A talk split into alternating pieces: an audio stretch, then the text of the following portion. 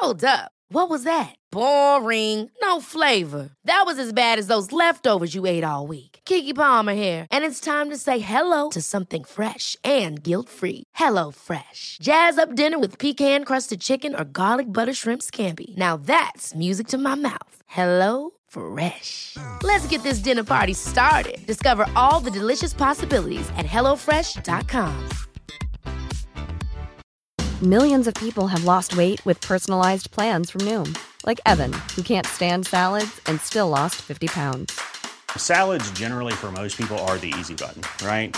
For me, that wasn't an option. I never really was a salad guy. That's just not who I am. But Noom worked for me. Get your personalized plan today at Noom.com.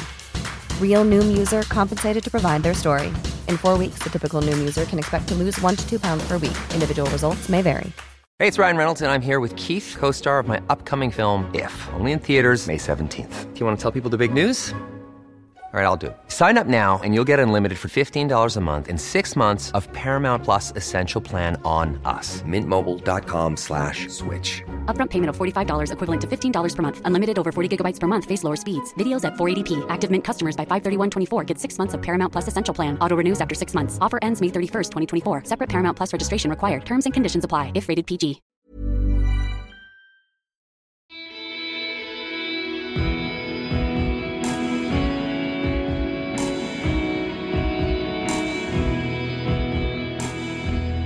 Velkommen til eh, Kaptare podkast og eh, en episode med Sondre Lerche.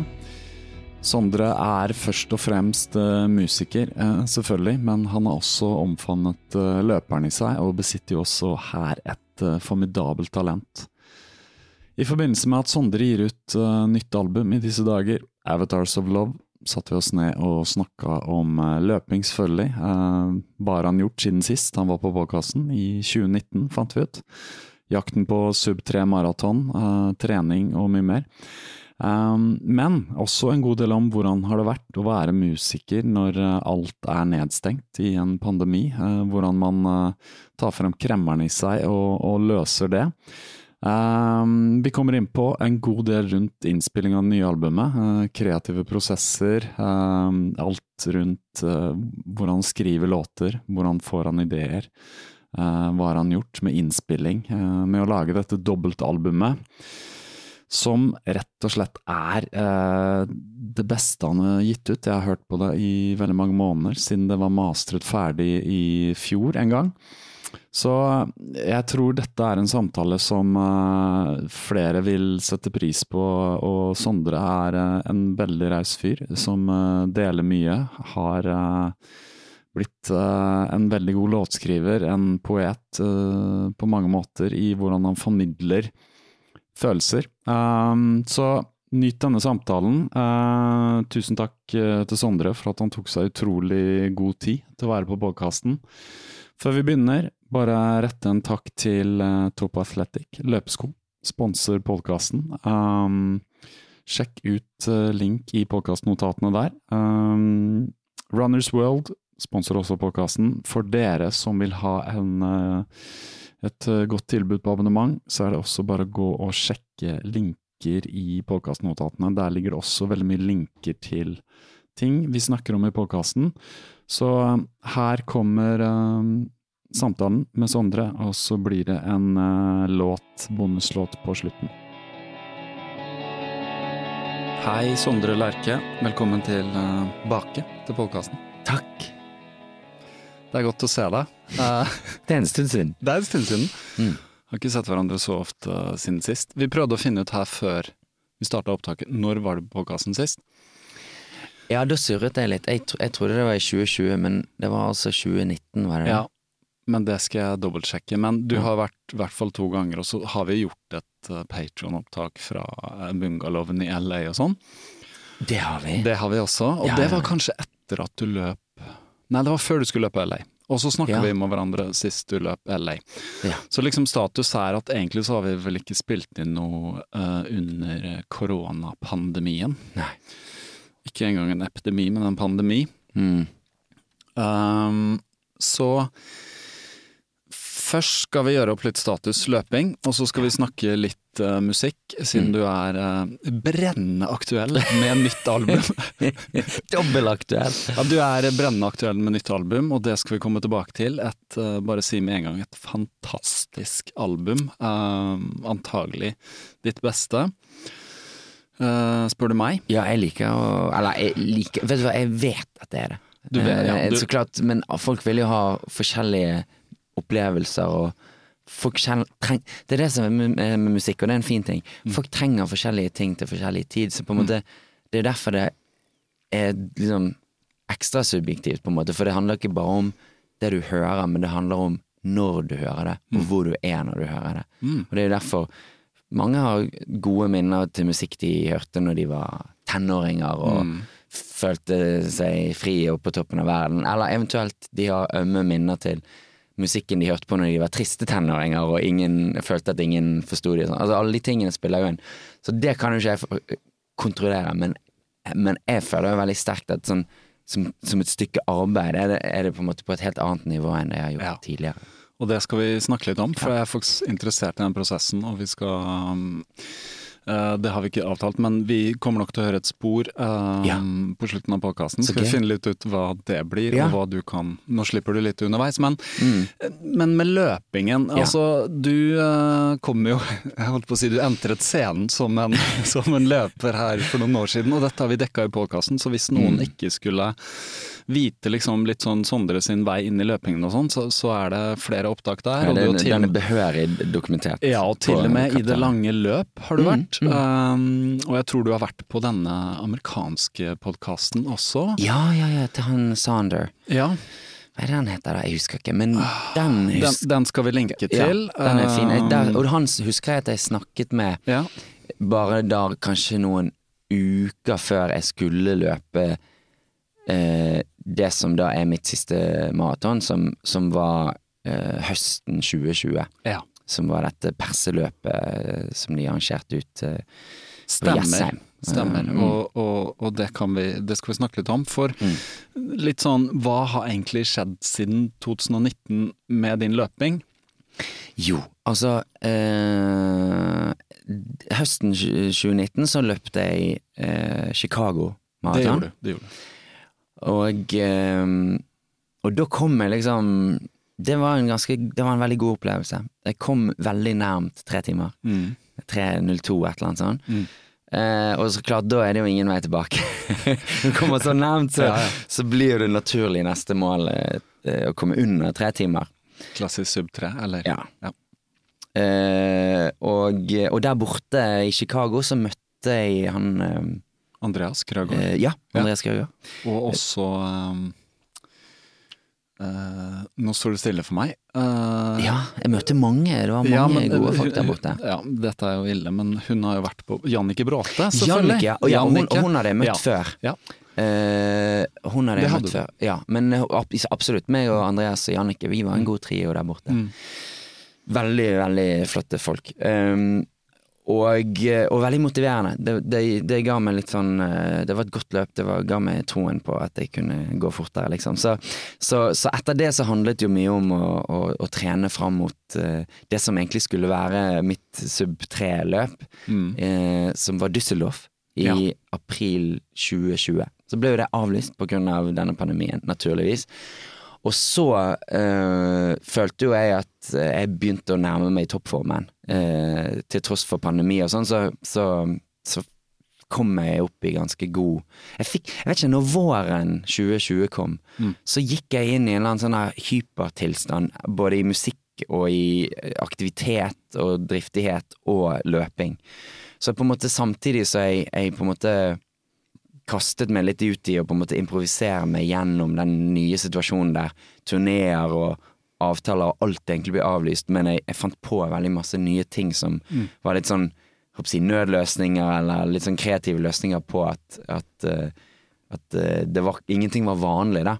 Og jeg, jeg gikk inn i en litt sånn eh, Sikkert litt sånn Jeg hadde en plate som kom ut under pandemien, da, i, i juni 2020, som het Patience. og og den skulle jeg liksom på en måte få ut, koste hva det koste ville. Så jeg, jeg, jeg, gikk inn i en veldig sånn aktiv eh, Aktiv modus. Sikkert litt sånn for å egentlig Det er en slags overlevelse, det også. Mm.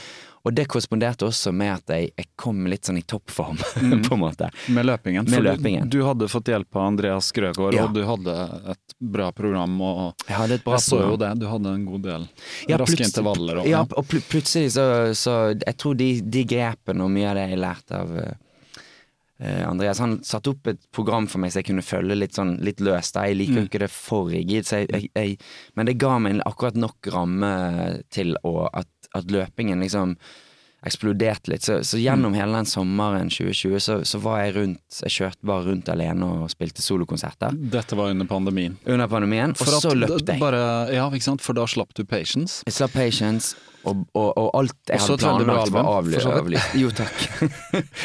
alt var avlyst som jeg hadde planlagt. på en måte. Ja. Jeg skulle på USA-turné, jeg skulle Ja. på eh, ditt og datt. Eh, og festivalsommeren så klart ble avlyst.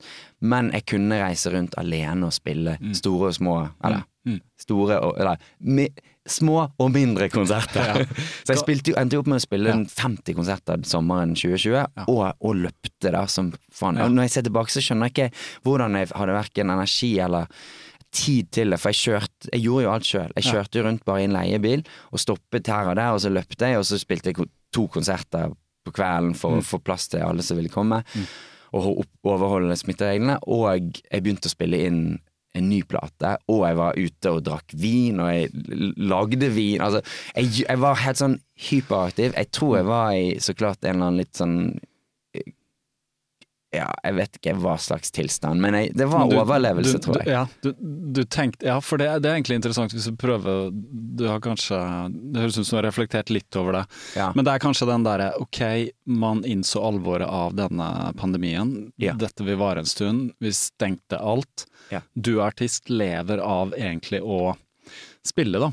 Altså du, du bruker, du vet, du bruker veldig mye tid på å lage låter, spille inn låter osv. Det skal vi komme litt tilbake til. Men når du skal selge deg, yeah. så selger man ikke album lenger. Du Nei. spiller eh, konserter, og du kan eh, selge hundrevis av billetter her og der, og plutselig måtte du begrense deg. Så da yeah. tenkte du kanskje bare sånn ok, Ja, det jeg må bare- definitivt eh, en, altså, for- Og oss, ikke minst fordi at eh, alle som er artister og litt sånn, vet jo det at når du Eller alle som finansierer sine egne innspillinger, vet at eh, når du spiller inn en plate, så bruker du penger. Ikke sant? Eh, og når du da skal Og jo mer du bruker, jo bedre blir det, holdt jeg på å si. Veldig Altså, ofte. ja.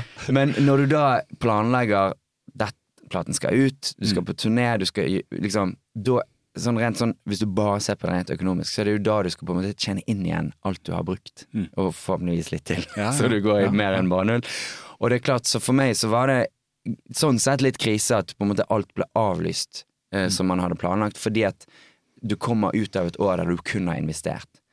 Eh, så på en måte og, og så er jeg jo blitt ganske god på eh, planlegge og ha litt buffer og sånn, sånn at for at i, i, i de årene der du innspiller inn, så bruker du penger, og, du, og så skal du lansere, og da bruker du penger. Du lager du skal gjøre masse greier, ikke sant? du skal hyre folk og alt sånt. Men når du da faktisk skal ut, så skal du ut og spille, og da skal du forhåpentligvis tjene litt penger. Så, så for meg så var det også en ren sånn overlevelse i det at ja, men jeg, jeg må jo eh, Og mye av min aktivitet var i USA. Der Jeg har ikke noe kompensasjonsordning for USA. Sant? Så, så jeg, jeg Og da blir jeg litt sånn kremer, kanskje. Jeg Mm. har en liten sånn fra jeg var liten og sagt opp bod utenfor uh, Mm. min fars butikk og solgte bagetter. Altså, jeg- da, da blir jeg litt sånn driftig Mm. på, på, en, på en annen måte. Det er jo en kreativitet, det òg, men det er liksom det, Da er det overlevelse Henger litt sammen, da. Ja, Eh, du kan kalle sammen. det venstrehjernehalvdelen, Ja. ikke sant? Som blir sånn praktisk. Nå gjør vi det sånn praktisk. Dakk, dakk, dakk, Ja. dakk. Høyre er jo kjent for å være kreativ, og det kan man dvele ved under musikkinnspillinger ja, og sånn. Mens, så det, det er jo en god kombinasjon. Da. Jeg, jeg merker eh, at jeg syns mer og mer at det er gøy å koble over på den. For da har jeg vært i følelsen. Jeg hadde sittet i to år i bungalowen i LA og, s- og gjort ferdig platen. Skrevet ferdig platen, spilt inn ferdig platen. Og så hadde jeg skrevet en essaysamling og en, en barnebok som også Alt dette kom ut i, i 2020. Så jeg hadde liksom gjort all denne dvelingen i ensomhet. Jeg, mm.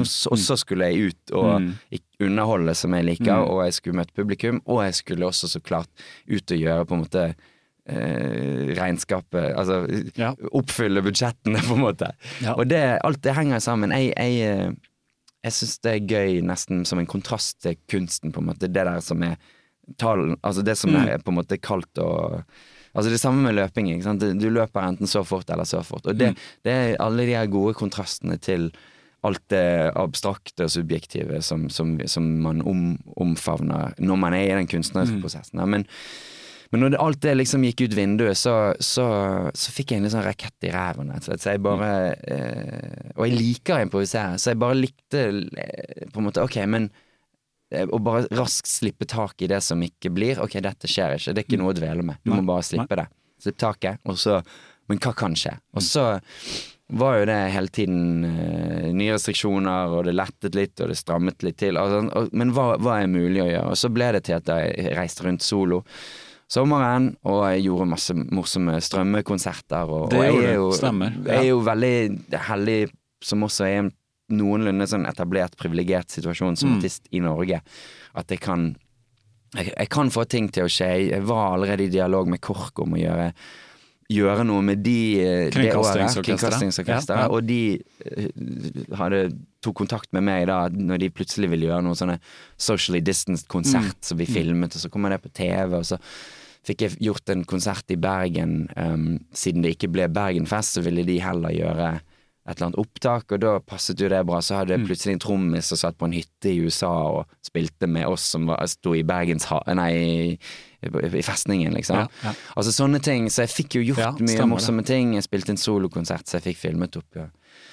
oppe i Lofoten. Eh, og så gjorde vi da, på slutten av året, så gjorde vi en stor sånn her teatralsk livestream fra Drammenshallen også. Patience Som- extravaganza. Ja, eller- som også krevde jo betydelig, eh, betydelig innsats fra flere enn meg selv. Så det var jo Ja. det største jeg gjorde, da, som eh, Jeg likte da egentlig hele året å gjøre mest mulig ting så jeg kan bare drifte sjøl, men Mm. Patience Extravaganza kunne ikke jeg gjort uten veldig, veldig mange folk som Mm. stilte opp, og som var veldig gode. Så den Er, det, er den forresten tilgjengelig Ja, nå har jeg lagt den Ja. ut på, på YouTube. Ja, okay. Jeg- jeg- Så jeg- finner den via Den din finner du på min YouTube-kanal. Ja. Eh, lenke den, er, den ble så mye bedre Eller den ble virkelig bra, men, men den var sånn Det var en sånn Vi hadde eh, generalprøve timen før vi skulle ja, gjøre det, og det var helt Ja. krise. Og da tenkte jeg herregud, dette kommer til å gå helt til helvete. Så jeg har aldri vært, det har aldri vært så kort Eller jeg, så føltes så håpløst, og så er det likevel så kort mell, vei mellom at det, jeg føler det er en fiasko, og så gjør vi det og så er det jo alt er live. Det er- ingen etterarbeid. Så alt det, den som ligger på YouTube, er på en måte en, En en live-innspilling. live Mm. Det er på en måte en live film der alt som skjer, skjer, faktisk. Det er ikke Mm. noe editering eller Kult. Mm. Men så det, så det var slutten på 2020, da. Og da, når 2020 var over, så hadde jeg også løpt eh, under tre timer. Det hadde du. Eh, det ble da perseløpet eh, Ja. her, her ute. eh, Ja. Jessheim, Jessheim, uti altså. der. Ja, jeg har Mm. ikke vært der, men jeg ser jo De var ganske aktive og arrangerte løp, for Ja. alt ble jo avlyst. Alt ble avlyst, så det var mange som var der, og vi løpte da Det var flere Ja, sikkert løp, men jeg Hvor, løpte det 18. hvordan var det? Hvor, hadde, visste du at du kom til å subbe, holdt jeg på å si? Sub 3? Jeg, tør, jeg tør, torde jo ikke å tro det. Uh, Andreas eh, tok en test på meg noen uker før, Mm. og, og uh, da løpte vi inn intervaller, og så sa han ja, men du, du er jo Du langt det, i liksom. overkant. Ja, ja. Ja. Og jeg torde ikke å tro på det, for det, jeg vet ikke, det er jo mentalt også. Du skal, jeg, skal, altså, jeg skal jo gjennomføre det. Skal det. det. At du måte. Noen kan si at å, det virker som du er i god trening, du, Mm. you got this. Mm. Det, det på en måte um, Det betyr jo ikke at det er lett å gjennomføre det. Nei, nei, nei, det gjør jo ikke det. Men jeg hadde, en, jeg hadde jo kjempegod støtte i, i Andreas. Han, eh, han, eh, han løpte foran meg, Mhm. og pe han peiset meg, rett og slett. Han gjorde det, ja, i det Så, og det hadde, jeg hadde jo aldri løpt med, med sånn type pacing før. Så det, jeg så veldig lite på klokken, Mhm. og stolte veldig på han. Ja. Uh, og jeg løp bak han hele veien, og eh, når vi kom på 35 km, så følte jeg meg ganske sterk, og da skrudde han opp uh, farten ytterligere. Å, ja. Og Du, du kommuniserte det? At dette, Nei, han, han, eh, Ja, ja, ja. han Ja. jeg, jeg, jeg tror ikke jeg kommuniserte noe som helst. Jeg var, jeg var virkelig bare sånn. Det er jo da, på- syv runder på Ja. seks kilometer. Ja. Eller seks runder på syv, jeg husker Ja, ikke. ja. Men, men det, det er jo ikke kjempeinspirerende omgivelser. Nei. All respekt for Jessheim, men det, du løper jo bare i et nabolag. Mm. Og du får jo også veldig forhold til hva en runde vil si, men Mm. det forandrer seg også litt for hver gang. Så det er ganske tungt eh, mentalt eh, jobb for meg Det- som har, har jobb, løpt i New York og Berlin og LA, LA og, og, og Chicago. Altså, Ja. sant? Der har du iallfall ting som hele tiden Mm. Det er ingenting som repeterer seg, mens her Veldig mange løper jo maraton for å kunne reise et sted. Og, Ja, meg, absolutt. Meg liksom. Absolutt. Ja, ja. Mens her, her eh, løper det rundt og rundt det samme litt sånn generiske nabolaget. Så, så jeg, jeg var jo som vanlig hadde jeg en spilleliste med mye av de samme ambient-favorittene som jeg har nå Mm. løpt det flere ganger, og så prøvde jeg bare, stolte jeg bare blindt Mm. på Andreas. Og han, ja, etter 35, tror jeg, ja, basically den siste runden, på en måte, Mm. så begynte han å skru opp litt og litt for å teste Mm. hvor langt han kunne Mm. For han, jeg tror han senset at jeg hadde overskudd. Mm. Noe overskudd. Jeg hadde ikke hatt noe problemer. Mm. Eh, Ingen vondter, ingenting. Ingen vondter, ingenting. Um, jeg hadde noe trøbbel med, den, med flasken, du skulle sette ut en flaske, og, altså alt det der. Men sånne ting eh, er jeg ganske god på. Med en gang noe sånt skjærer seg, eller mistet flasken, jeg husker ikke hva det skjer, så bare Ja, men da har ikke jeg flaske. Altså, du, du bare, da bare går du. Men, men han skrudde opp eh, litt og litt og litt, og jeg greide å holde med. Og så de siste to kilometerne, så, så, så skrudde han opp mer enn jeg greide å, å følge. Så da, da, da jeg Men da, da visste du at du nærma deg sant? To kilometer igjen. Ja. Uh, og jeg fikk jo til negativ splitt. All, all, alt funket. Altså, det, for meg så var det et helt optimalt Mm. Det var gode forhold også. Det var ganske kaldt, men det var klart og, Mm. Og fint. Men det er klart, jeg, jeg tror nok at jeg hadde greid å pers... Altså, jeg hadde greid å, kom, å komme under tre eh, om jeg løpte på en måte alene også, men jeg hadde ikke greid å komme så langt under tre Hva, hva som jeg ble gjorde. tiden, da? Eh, det var Hva var det da? To eh, 2.55-57, tror jeg det var. Ja, okay. Ja. Sånn, så jeg, som er god magi. Ja. Og den magien, den, det er fordi jeg hadde Mm. en pacer. Så jeg, jeg, jeg, han dro meg eh, Det er et par ekstra minutter under Ja, der på, på det. Så det Så var, det var en veldig lykkelig Det var liksom din, din breaking to, som Kipchoge og de, de hadde pacer. Ja. Ja, det var runder, og det var optimale forhold. Ja, alt, alt klaffet. Og, og, eh, og så var jeg så klart jeg var ganske knust etterpå. Eh, så det var ikke det at det, det, det kostet definitivt eh, noe. Men, Men, men sa- sammenlignet med tidligere, da, hvor du var Du har jo fortalt historien om New York, hvor du liksom Ja, var, var verst. enormt knust. Ja, men Motoren ikke sant, var der der. var jo helt uforberedt Ja. og løpte langt over evne. Ja. Det, det var bare hodet som løpte. Ja, ja, ja. Kroppen eh, holdt jo på å bare kapitulere. Men uh, så har jo blitt, blir det jo litt og litt bedre, og dette var det femte maratonet jeg løpte. Um, så så jeg, ja, det, jeg merker vel at det, det tar meg mindre og mindre tid å, å komme, men jeg var jo ganske invalid, eh, Ja. i, særlig dagen etter. Ja. Eh, men, men eh, nå Men er du mer forberedt på det også. Våkne her hjemme i Oslo og sånn. Ja. ja ikke? Jeg, eh, jeg, jeg, Da bodde jeg her i den leiligheten her i, oppe i gaten, som jeg nettopp har solgt Ja. Nå, eh, og våknet ganske invalid. var det feiring den kvelden? Var det en Ja. helg? Jeg, meg, og, meg og Andreas vi gikk på delikatessen og eh, spiste godt og drakk godt Ja. eh, der. Man trenger det etter Ja, man trenger det. Og Ja. det, var, det var jo mitt Altså det var, det var jo tidlig løp, så det var Vi spiste jo lunsj der, og Mm. så eh, gikk nok jeg hjem og la meg på sofaen, ja, og der Ja. ble jeg liggende. Ja, ja, ja, ja. Man har brukt tross alt en del energi. Ja, du har det. Men du løp sub 3, og, og hva har liksom skjedd etter det, da? Hva, skjedde noe mentalt etter at vi er fortsatt i pandemien? Skjer det noe mentalt etter at du har nådd mål og Ja, Ja. eh, Det, det vil jeg si det gjorde. For det, det var et eller annet som skjedde ikke sant? Det ble på en måte også litt sånn avslutningen på det året. Jeg, jeg, jeg, jeg, jeg, tror jeg tok nesten en måned uten løping etter det. Og jeg merket nok at jeg hadde jobbet så hardt med treningen. Det er åpenbart at jeg hadde trent mer og bedre enn noen gang. Mm. Men jeg, jeg, jeg merket at jeg følte jeg fortjente fri. Jeg trengte fri fra løpingen. Så jeg, jeg tok nok en kanskje litt lengre pause på en måte enn jeg burde. Og det gjorde at det tok meg litt mer tid å, å komme tilbake igjen. Mm. Og uten et helt sånn klart nytt mål. Fordi at ting enda var Da kom den nye nedstengingen eh, Den rundt, vinteren. eh, den vinteren. Mm. Så ble den vinteren mye mørkere, sånn i både Mm, overført og ikke overført betydning for alle. Ja, da traff jeg litt, og det var liksom den første vinteren hvor du tilbrakte Ja, her. Og det var Hele litt sånn vinteren i Norge. Wow. Dette, Altså. Du har vært i New York før, og det er jo kaldt der, men det er Ja ikke mørkt sånn. Men, Men det er ikke så mørkt, det, det er kaldt og guffent der, og så har jeg blitt Ja. veldig vant til LA. Ja. Og så hadde jeg da plutselig den fulle norske vinteren her. Eh, det som jeg hadde som var en veldig Som har jo vært på en måte min store motor etter maratonet, var jo at jeg begynte ganske raskt å skrive nye låter og spille inn en ny plate. Mm.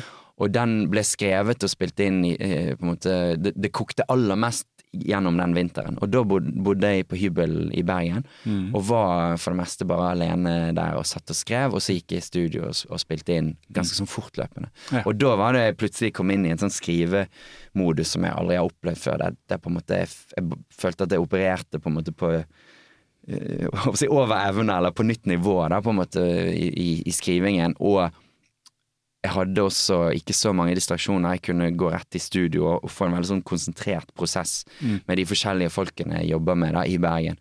Og sånn ble det til at på en måte denne nye platen, da, 'Avatars of Love', ble spilt inn og og ble skrevet og spilt inn i løpet av ett år. Veldig intenst år. Og, hadde, og så er det jo litt at det skjer ting i livet også, ikke minst. Så 2020 for meg var jo også et litt sånn dramatisk år i, i um, på det personlige plan. Så at, at på en måte at det er bevegelse. Ble brudd i forhold? Brudd, og Ja. du eh, går inn i nye rom og nye Ja. møter og relasjoner og, Mm. og på en måte gjør litt sånn opp status på nye måter, da. Ja, ja, men dette er jo litt sånn klisjé, men Ja. ingenting mange som sier ingenting er som et brudd for gode låter. Herregud, Og- og- nei, ja. du, nei liksom Tidligere så har jeg alltid strittet imot det og sagt at nei, det, det, det, Nei, blir, det er ikke ikke det. sant, det er ikke det det handler bare Men jeg begynner jo å se et mønster i min egen diskografi også, at Ja. hver gang det, det koker eh, Mm. På følelsesmessig. Ja. Ja, følelsesmessig, det er jo rett og slett det. Så, så, så trenger du den eh, outputen. Ja. Og nå var det jo det i tillegg til at du på en måte Jeg for første gang i mitt liv, eh, voksne liv, var alene i livet. Jeg hadde, og jeg ville være alene. Jeg hadde, Mm. jeg hadde aldri vært stått helt uh, alene siden jeg var 18 år, liksom. Nei, ikke sant. Du har et langt ekteskap bak deg, og du ja. hadde et ganske langt forhold etter Mm. det òg, som er det bruddet. Så, så, så alene Ja, alene kan være bra. Hvor, hvordan Nei, det blir jo mer tid til løping, da. Ja, det blir, ja men da, da løp du, eh, Ja, ikke sant? Da, ikke sant? da Altså, er det- vinteren, og du er i Bergen, og Ja, altså, da- det da løpes jeg- og er litt sosialt, men det er skriving, løping og spille gitt- inn underveis, er det det du gjør? Ja. Alt skjer i fart, og jeg har jo da gitt meg uh, hen Og det vil jo sikkert de jeg har si, delt livet med tidligere, de vil jo si du har alltid viet deg fullstendig til det du vil. Du har jo aldri tatt noe sånn nevneverdig hensyn. Men jeg følte jo at uh, Kanskje det er rett og slett så enkelt som at jeg Jo, men jeg vil være ørlite mer hensynsløs. Jeg skjønner. For at nå, nå, Ja. nå hadde jeg på en måte ingen eh, andre hensyn enn alt jeg ville gjøre, alt jeg ville lage, alt jeg ville skape. Og det gjorde at jeg holdt på med veldig mange ting.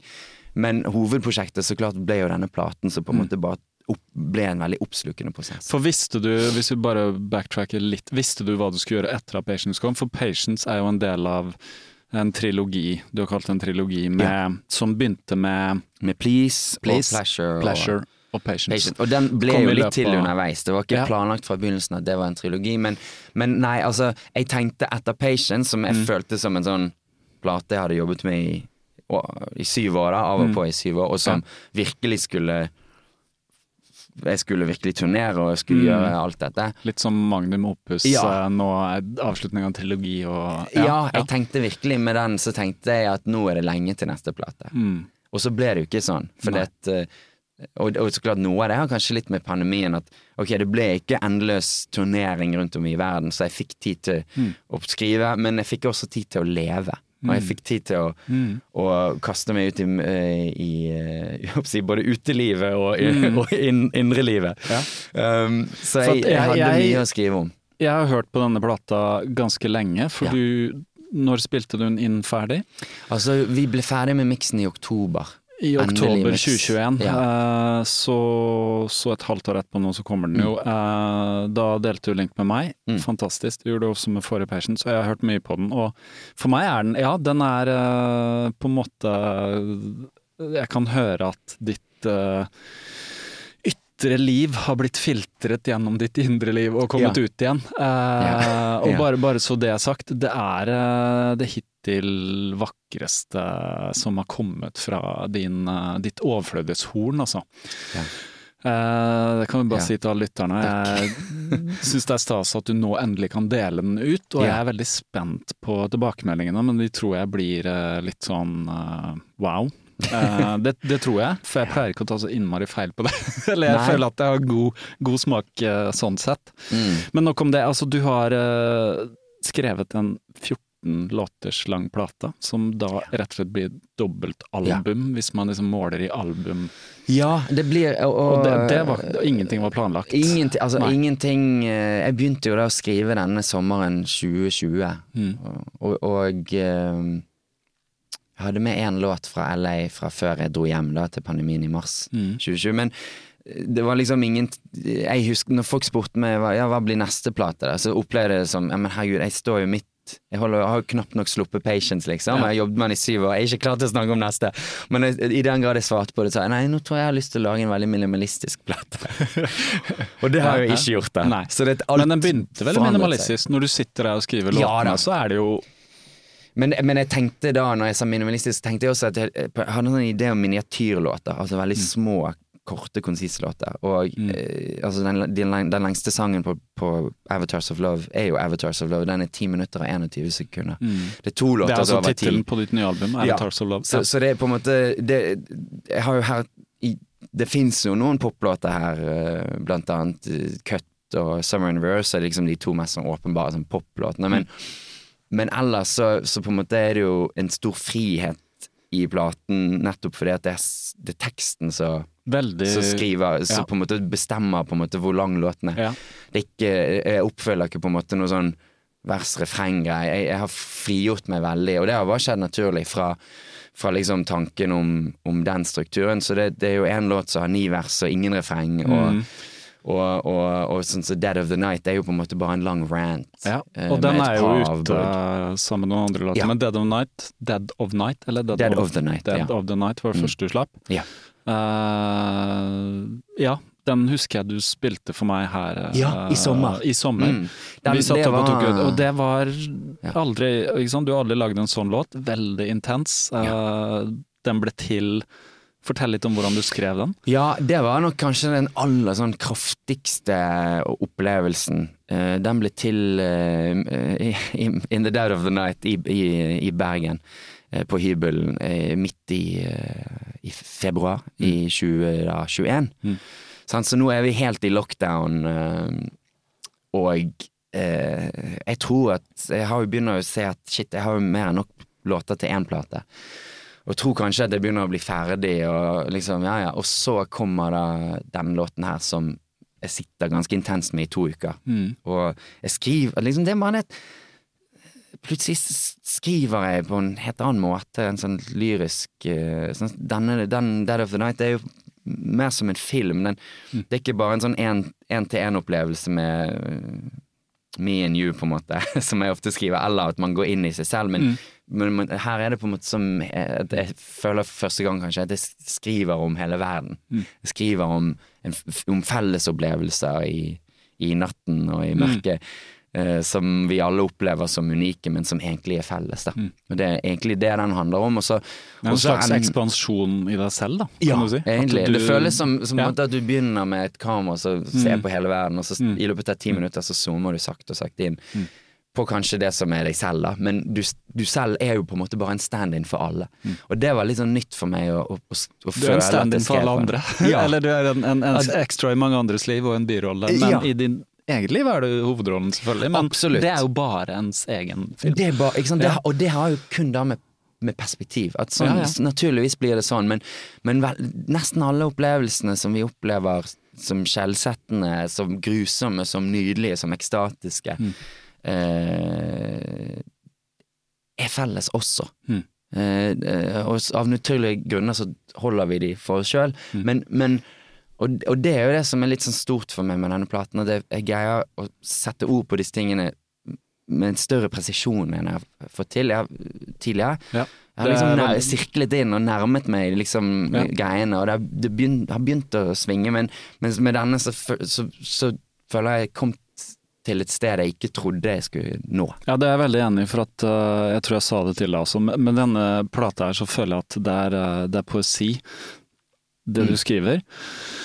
I enda større grad enn før. Øh, men du, du hører det jo tidligere òg, men du Ja, hører jeg- en jeg- utvikling Jeg føler jeg har liksom hatt litt og litt Jeg har kommet Mm. litt og litt nærmere målet, særlig med de siste trilogiplatene og sånn. Mm. Mens her er det liksom Og, og det, jeg kan ikke si hvordan det skal føles for andre, men handler, nå snakker jeg kun om hvordan prosessen føles for meg. Å skrive disse låtene eh, med en gang eh, jeg var ferdig med på en måte all den utadvendte aktiviteten i 2020 som jeg satte i gang, så bare gikk jeg liksom bokstavelig talt inn i hiet, som var hybelen min i Bergen.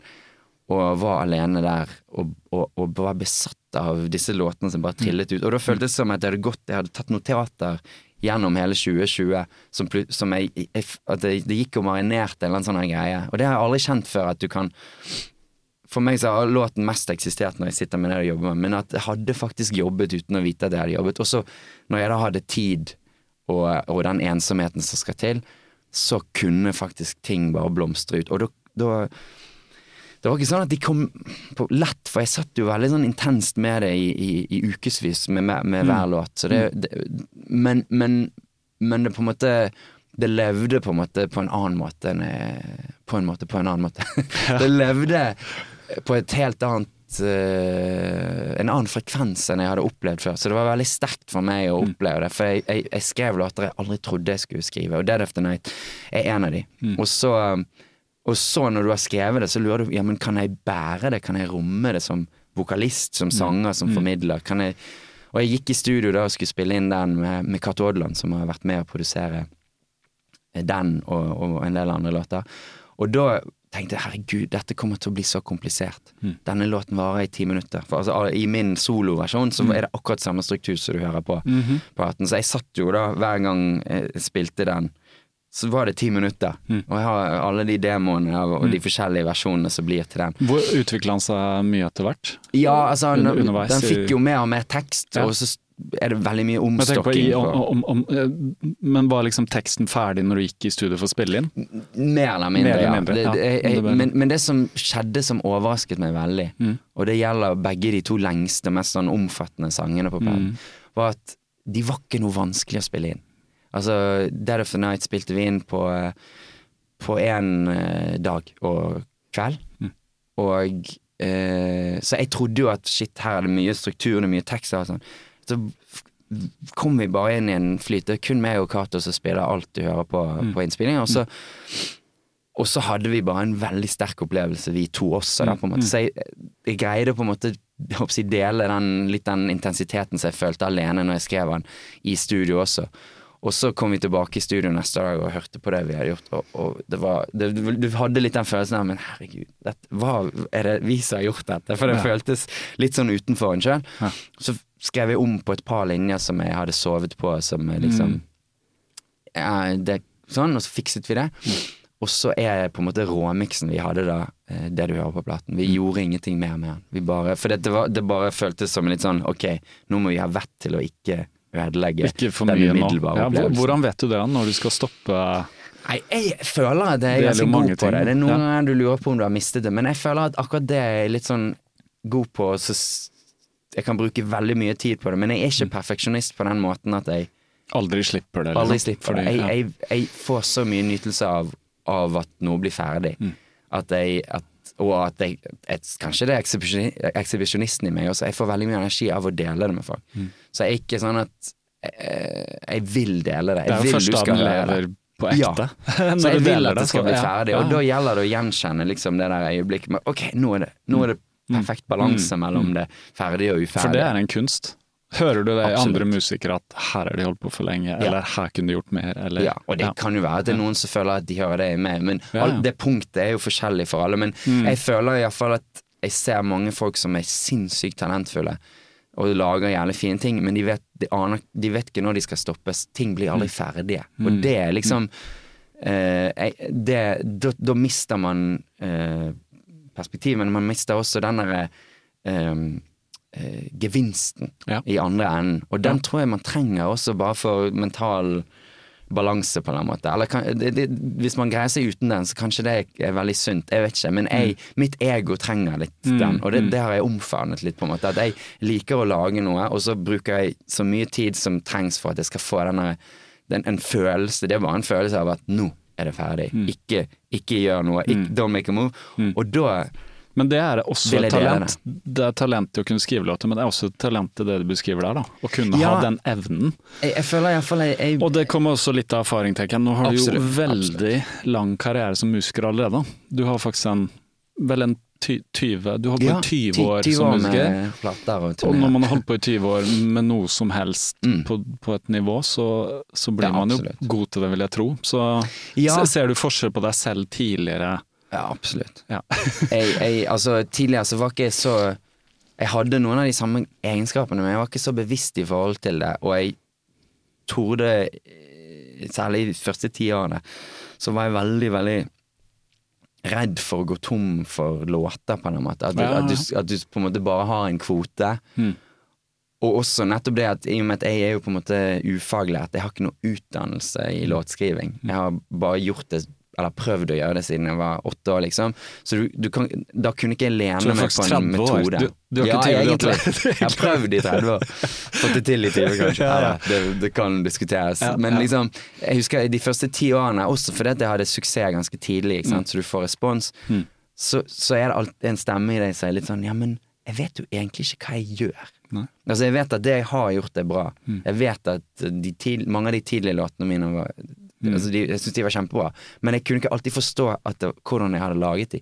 For det, det kommer ikke ut av en metode eller Mm. Nei, nei. noe sånn. Det er kan- intuitivt, kan du si. Ja, det er veldig intuitivt. er den- ja. Og da, kan, da jeg- kunne jeg være litt sånn redd for at hvis jeg, hvis jeg stopper for lenge, eller hvis jeg venter, så, så roter jeg meg bort. Og det har jeg kanskje gjort også på noen av de platene um, der, der du har prøvd for hardt eller insistert for mye på en måte, så har ikke du Mm.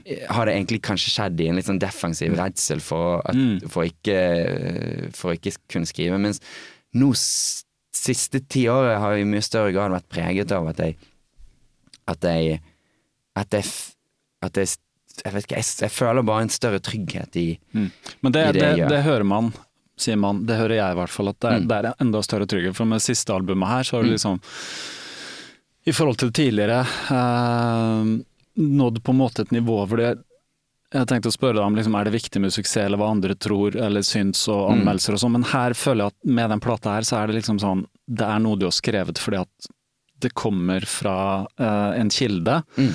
Og så har du klart mm, gjennom en annen del av deg selv å liksom spille det inn, og selvfølgelig med hjelp av musikere og, Ja, ja, og folk i studio og sånn, men allikevel liksom Det er Mm. Verket står seg som, i mine øyne, ører, heter det Mm. vel, som noe som på en måte eh, har en sånn helt sånn genuin egen Mm. behov for et uttrykk, eh, er det jeg tenker, da. Ja, Hvis jeg skulle kunne jo- beskrive ord, det er veldig vanskelig å beskrive musikk med ord, men det er liksom Jeg hører, for når jeg hørte på det Jeg skal si hvordan jeg betrakter det. Første gang jeg hørte på det, Mm. eh, du sendte meg, så var det sånn Oi, hva er dette? Dette er sånn Oi, jeg prøver på mye, og liksom Ja, Jeg hø ja, det- hører med en gang, ikke sant? det er veldig mye Men før låtene. Mm. setter seg, ikke sant, så er man litt den kritiske. Akkurat som du setter på en ny plate av favorittmusikeren, så blir det litt sånn Ja, ja, ja. Og det er jo og sånn. altfor mye informasjon å ta inn på en gang. og det er jo og det- utfordringen og med dobbeltalbum. Men etter hvert som den går seg varm, og jeg er en sånn som jeg liker å høre på plater, og når jeg først blir glad i en plate, så får den gå seg varm, og jeg tåler liksom å spille en plate 40-50 ganger, da. Mm. Og det har jeg gjort med den her også, og det må si at liksom, den har ja, og da føler jeg at jeg har hørt den Mm. for det den er, og den har krøpet inn, og jeg skrev jo til og med en mail Ja, til deg med, det var helt fantastisk. med en sånn vill sånn Den beste eh, anmeldelse, eller noe essay om praten. Ja, jeg fikk liksom behov for å bare si noe, og da har jeg vært i en egen skriveprosess Mm, selv under ja. pandemien og prøvd å uttrykke meg med ord. Jeg det skulle var liksom, ønske at alle anmeldere brukte like mye tid Ja, på ja. å lytte som du gjør. Ja, ja er ikke det sant. Men jeg, jeg skjønner at de ikke kan det, da. Fordi uh, sånn er det jo. Men Og det, og det er jo eh, det som er utfordringen, så klart. Jeg vurderte jo om jeg skulle dele det opp i to separate album.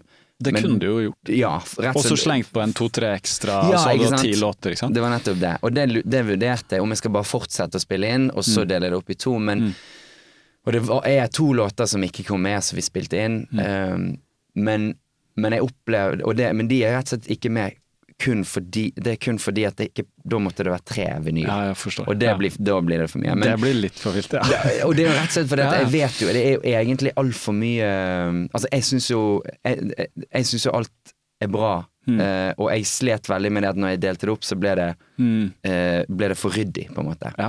Eh, så jeg bestemte meg for ok, da blir det sånn dobbeltalbum. Da, da blir det så, ja, Ja. da blir det to Jeg blir egentlig to album i ett. Mm, mm. Og jeg delte opp og, og, og brukte fem måneder på å sette rekkefølgen bare. Så jeg har brukt sinnssykt mye tid på det. Men, men, men jeg har veldig forståelse for at det er altfor mye informasjon å ta inn.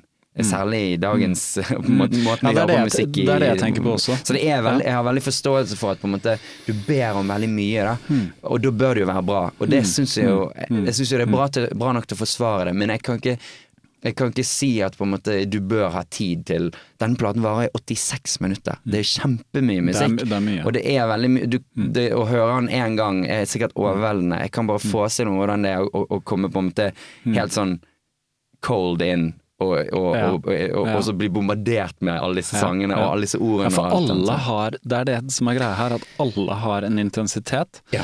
Eh, når jeg har hørt på den så mange ganger, så har jeg liksom fått følelsen, så jeg føler kanskje at det er to spor som liksom gir deg en overgang Ja. til øh, den neste igjen, da. Men allikevel, ja, etter hvert så står de også veldig sterkt for seg selv, men det er liksom de, Ja de to du ga ut cut med den etter, den etter tar det ned, ikke Ja, sant? Og det naturlig kommer en poplåt, og så tar du litt Mm. ned med en sånn litt sånn Ja, Og den balansen er jo det du er sitter med. Når du sitter med rekkefølge. For det, det er veldig mange store, jeg håper si, tunge, litt sånn Eller ikke tunge, men liksom bare omfattende låter, da. Veldig De, omfattende. altså, det, Mye- det er mye- det er jo det, det, Og, det, er, krevende, på en måte. Men også er det jo samtidig popmusikk. Jeg vil Mm. jo ikke at det skal være på en måte føles som en som en oppgave du blir utdelt, at Nei. du må høre på. Så det, så det er en fin balanse der. Men jeg har jo bare prøvd også, også å lage det, vakreste jeg, jeg Mm. kan tenke meg, på en måte.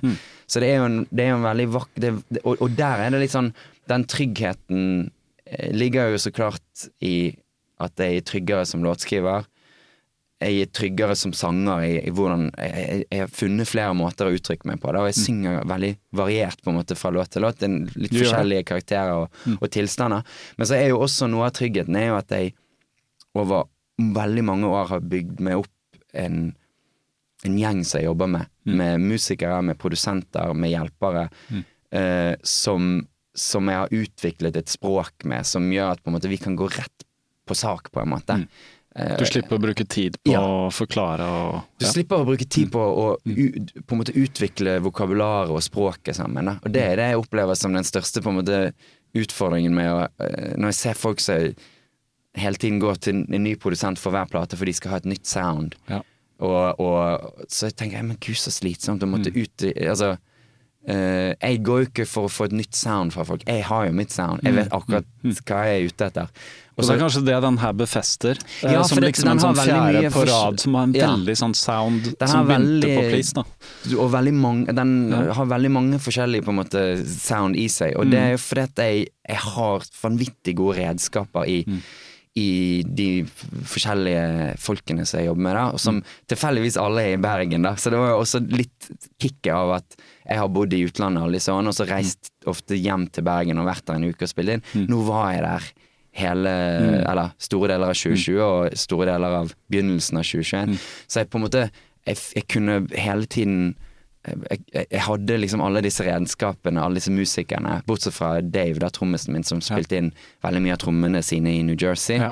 Han er fast, eh, selv om han ja, er der. Og det, sant? Han, kjenner, han også kjenner jeg godt nok til at jeg kan gi han et par sånn referanser. Mm. Og så sender jeg det til han, og så får jeg tilbake som regel ting som er akkurat det jeg er ute etter. Det er mye, Og- god, det er mye god eh, Kaller du perkusjon, eller tromming, Ja. på denne plata? Trommer, Det er perkusjon. Blant annet noen rytmer som er veldig Han ja, har virkelig det er vanskelig å sitte og rytme til. Altså Det er noen Ja. krevende sånn, Ja, ja, ja. takter. Så det, jeg har jo Eh, verdens beste eh, Og det høres kanskje teit ut å kalle det redskaper, men jeg, jeg ser på det Ja, som ja.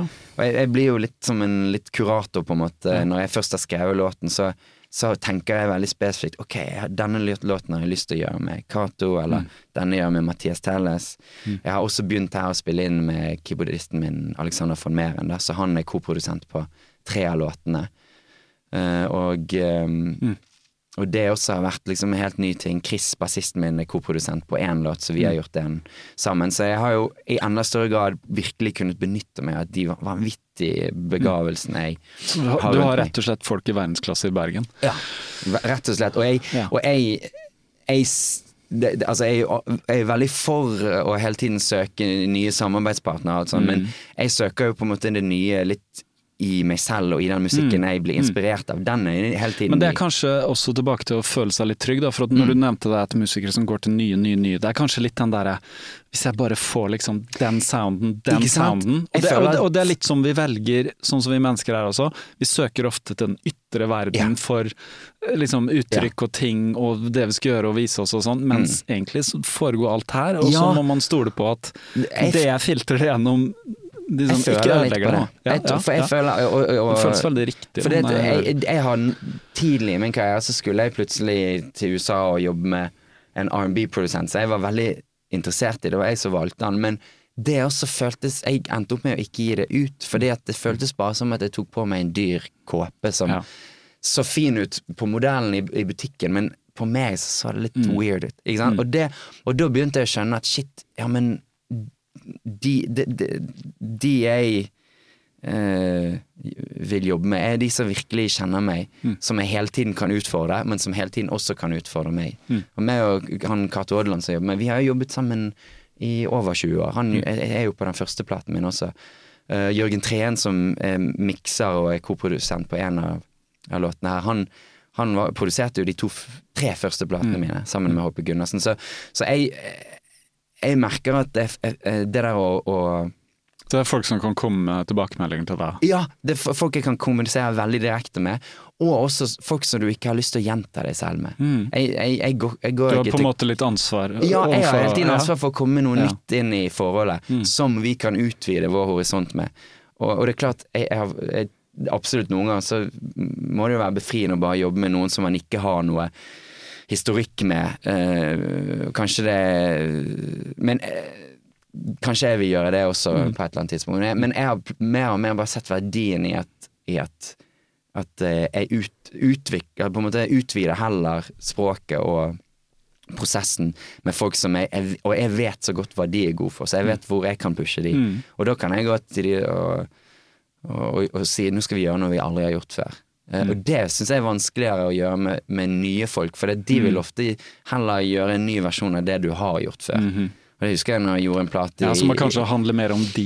ja, Altså det handler mer om de, ikke sant. ja. Og, det, og så blir det en merkelig sånn forventning, og, og Mm. da hvis du går til en produsent som allerede har et sound, så handler det litt om at du skal ikle deg deres sound. Mm. Det er ikke jeg interessert i. Jeg, jeg, jeg skal ikle meg enda mer av mitt sound. Det høres jo Ja, ja, litt ja. egosentrisk ut, men det er mitt prosjekt. Da, på en måte. ja, og der er- er jo jeg mer en sånn autør enn jeg er på en måte jeg håper å si vanlig. Det, det Ja. er på en Ja. måte det, det, det jo- min estetikk og min på en måte Mm. det, er det som er kanskje nytt de siste ti årene. Mm. Liksom at jeg, jeg blir mer og mer sånn Zoomer mer og mer inn på liksom hva At, Mm. at jeg Ja, det er så Det er så Wes Anderson, på en måte. Ja, jeg skjønner, jeg skjønner det, men du, ser jo, du, du snakker om det der, og det, jeg ser jo at liksom de fleste musikere eller filmskapere, Wes Anderson nevner her, finner jo et uttrykk, og så altså, på en måte en kreativ åre, da, og så ønsker de på en måte å vise den eh, men de endrer seg jo ikke bare for å endre seg. Nei, Eh, du, nei. du ser jo ofte en rød tråd gjennom, Det om det er. David Lynch sine filmer, Ja, eller Wes Lynch, Anderson, eller Hitchcock, Nick altså Cave sin musikk, musikk, eller Mm, liksom mm. uh, Ja, Beatles, for Ja, den det, saks det, skyld. det, det er helt sånn ja. unmistakable greie. Og, og altså, Johnny Mitchell, som har Mm. vært en sånn stadig større inspirasjon for meg de siste, ja, siste ti årene. Ja, hva er det hun Ja, altså der er det også Der, der er det, du, du tviler liksom aldri på, Mm. eh, på På hvor det kommer Selv på 80-tallet, når hun skulle jobbe plutselig litt, med- litt med sånn eh, datidens hippe popprodusenter. Mm. Og så ble det verken eh, særlig populært eller, eller særlig hipt, men men du, det er nettopp fordi at hun, eh, hun er altfor eh, sta i sitt Altså, hun Mm. går inn og vet akkurat hva hun vil ha? hun skal ha ut av det. Ja, Og, det og, og hun som, som tekstforfatter er, er også på en måte en, det, det er så sterk nok farge Mm. alene til å på en måte gjøre at det, det liksom Det blir helt det, er helt nesten overflødig å snakke om på en måte produsenten sitt sound, eller. Liksom det er jo, Dette er jo lyden av Johnny Mitchell, selv om det er 80-tallstrommer på det. Altså Ja. litt sånne ting. Ja. Og det, det syns jeg er veldig inspirerende. Jeg, jeg har blitt veldig interessert i på en måte Særlig kanskje ja, sånn, Særlig Joni sitt møte med sant? Vi kjenner hun fra 60- og 70-tallet, når hun eh, virkelig var helt sånn uslåelig. Og så og så, eh, og veldig mange av de 60- og 70-tallsartistene, deres møte med 80- og 90-tallet, syns jeg er vel så interessant. For det, der, der er de litt sånn ute av sin egen kontekst. Ja, for det, hvis vi tenker etter, skjedde jo enormt fra 60 til 70 til 80 til 90. Altså utvikling. Altså, Helt det vi definerer det som veldig sånn tiår, da. Ja. Men selvfølgelig, det er jo en gradvis det utvikling. er, men- og det er veldig spennende. Og det er Men det, det har med eh, teknologi og elektronikk Ja, og ting som kommer inn, og muligheter og sånn. Uh, Og det er veldig spennende. Det er veldig spennende å se på hun, på Joni, Dylan, mm, eh, Neil Young, Leonard Cohen. Altså de, de virkelig store låtskriverne som har signatur uansett hva de gjør. Og så se hva som skjer i deres møte med, med Og det skjer så klart det skjer mye rart, men, men jeg har, har syns det har vært spennende å gå inn i de litt sånn 80- og 90-tall eh, si, Krasjlandingen, eller hva det er. Det er Ja. mye fin musikk der, Ja. og det er mye rart, og du kan høre at det også sikkert er mye kokain. Og, altså, Ja, ja. det, det skjer ting. Nei, tenker på, det er morsomt å nevne Dylan, for vi snakka litt om Dylan og Ja. hans uh, vanvittig, vanvittig gode album som kom vel i 2020. Ja. Eh, jeg glemmer jo titler, da, men titlen, Rough and Rowdy Ways. Rough and, rough and Ja. Rowdy Ways, kanskje, det, kanskje noe av det beste han har lagd. Ja, er fantastisk. Det, må jo inspirere. Mannen er ja eh, 80, eller liksom Ja. Jeg syns jo at den uh, åpningslåten der, I Contain Multitudes, Ja. den begynte jo jeg raskt å spille på konserter. For, og Den har du coveret, Den ja. syns jeg er den, Jeg synes det er den beste. Bob Dylan-låten. Visste du det? Uh, Jeg satt og leste nå den uh, Bob Dylans Ti bud, som jeg sendte deg en tekstmelding til. For øvrig anbefaler jeg å lese den. Ja. I Contain Multitudes. Han har henta inspirasjon fra Walt Whitman. Ja. uh, ja, du fikk med deg Ja, ja. veldig veldig Ja, kult. Så jeg måtte inn og lese litt Walt Ja, Whitman. den, den, og den, det er jeg håper å si diktet, eller det er, Ja, det er en- diktet. det er en lang greie. Veldig lang, veldig. Ja, fantastisk. Men te, der også har du tekster, og, du, og med Dylan så er det sånn Jeg føler jo med Bob Dylan, eh, som jeg også hører med andre musikere, deg på den plata her, at det er liksom kontakten med noe Kall det utenomjordisk, da. Mm. Eller kall det metafysisk. Mm. Det som ikke er i det fysiske. Altså det er og det Mm. får meg til å tenke på sånn, hvor kommer musikk fra? altså, hvor Altså, det er kommer det fra? Hvor i, i deg sånn ikke sant? Tenker du, Reflekterer du noensinne på det? Hvor kommer det fra? Altså, utenom det tekniske altså, hvor, Hva er liksom kilden?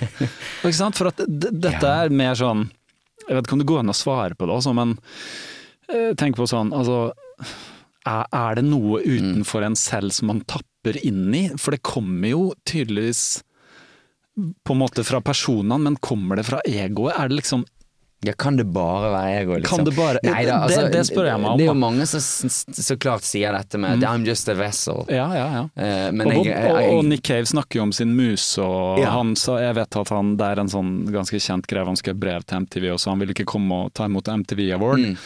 fordi at på en måte han hadde sin muse, og det var viktigere å på en måte pleie henne enn å stille opp og ta, Mm. ta imot en sånn det er bedre å bruke hans tid, liksom. ja, ja, ja, det var litt sånn. Men ikke Mm. sant, du skjønner hva jeg mener. Jeg føler at en del musikere, også sånn som Dylan nå, som er ganske egentlig en spirituell fyr, da. Mm. Han var jo sterkt religiøs en Mm. periode. Han var jøde, men han konverterte kristendom.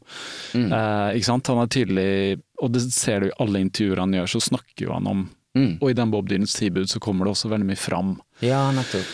På en måte, ja, så jeg Altså, vet ikke, det- dette det er er kanskje en- et spørsmål, men mer det- som en sånn Det er veldig vanskelig det der, for det, det er jo en blanding også, og, og, og Dylan som eksempel også, han er jo Han er jo Han er jo også et åpenbart ego, ikke sant? Helt klart. Og, og, han har Ja.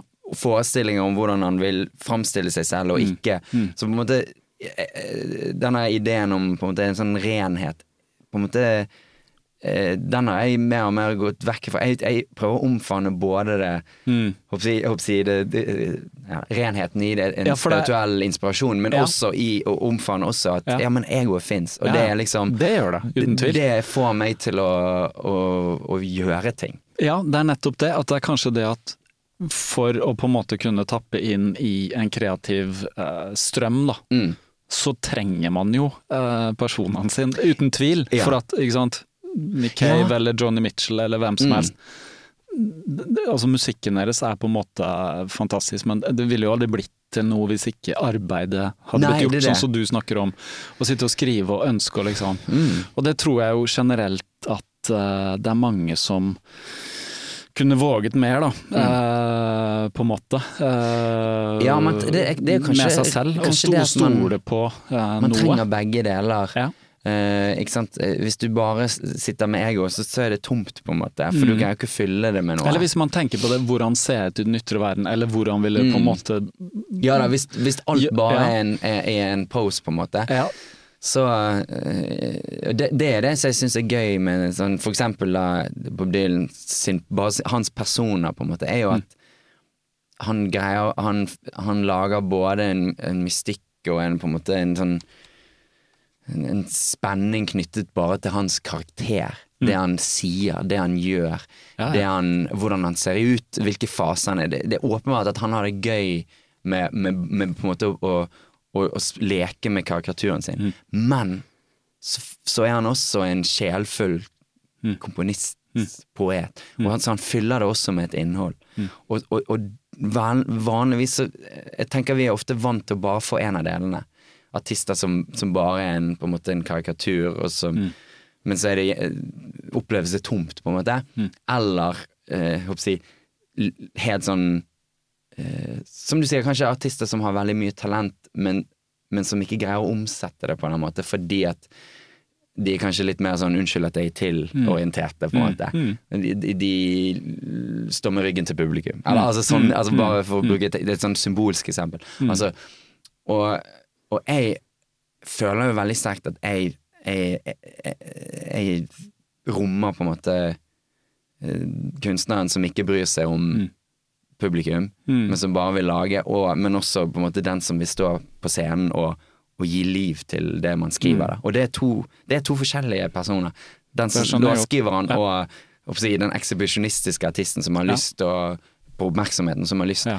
Og, det, og det har jeg blitt mer og mer forsont med. Liksom, Ja, det er meg. Ja, det, det er også noe jeg har tenkt på sånn, å være artist og på en måte være en ekshibisjonist, kall det, Mm. å være en kjendis og liksom hvor, Hvordan påvirker det?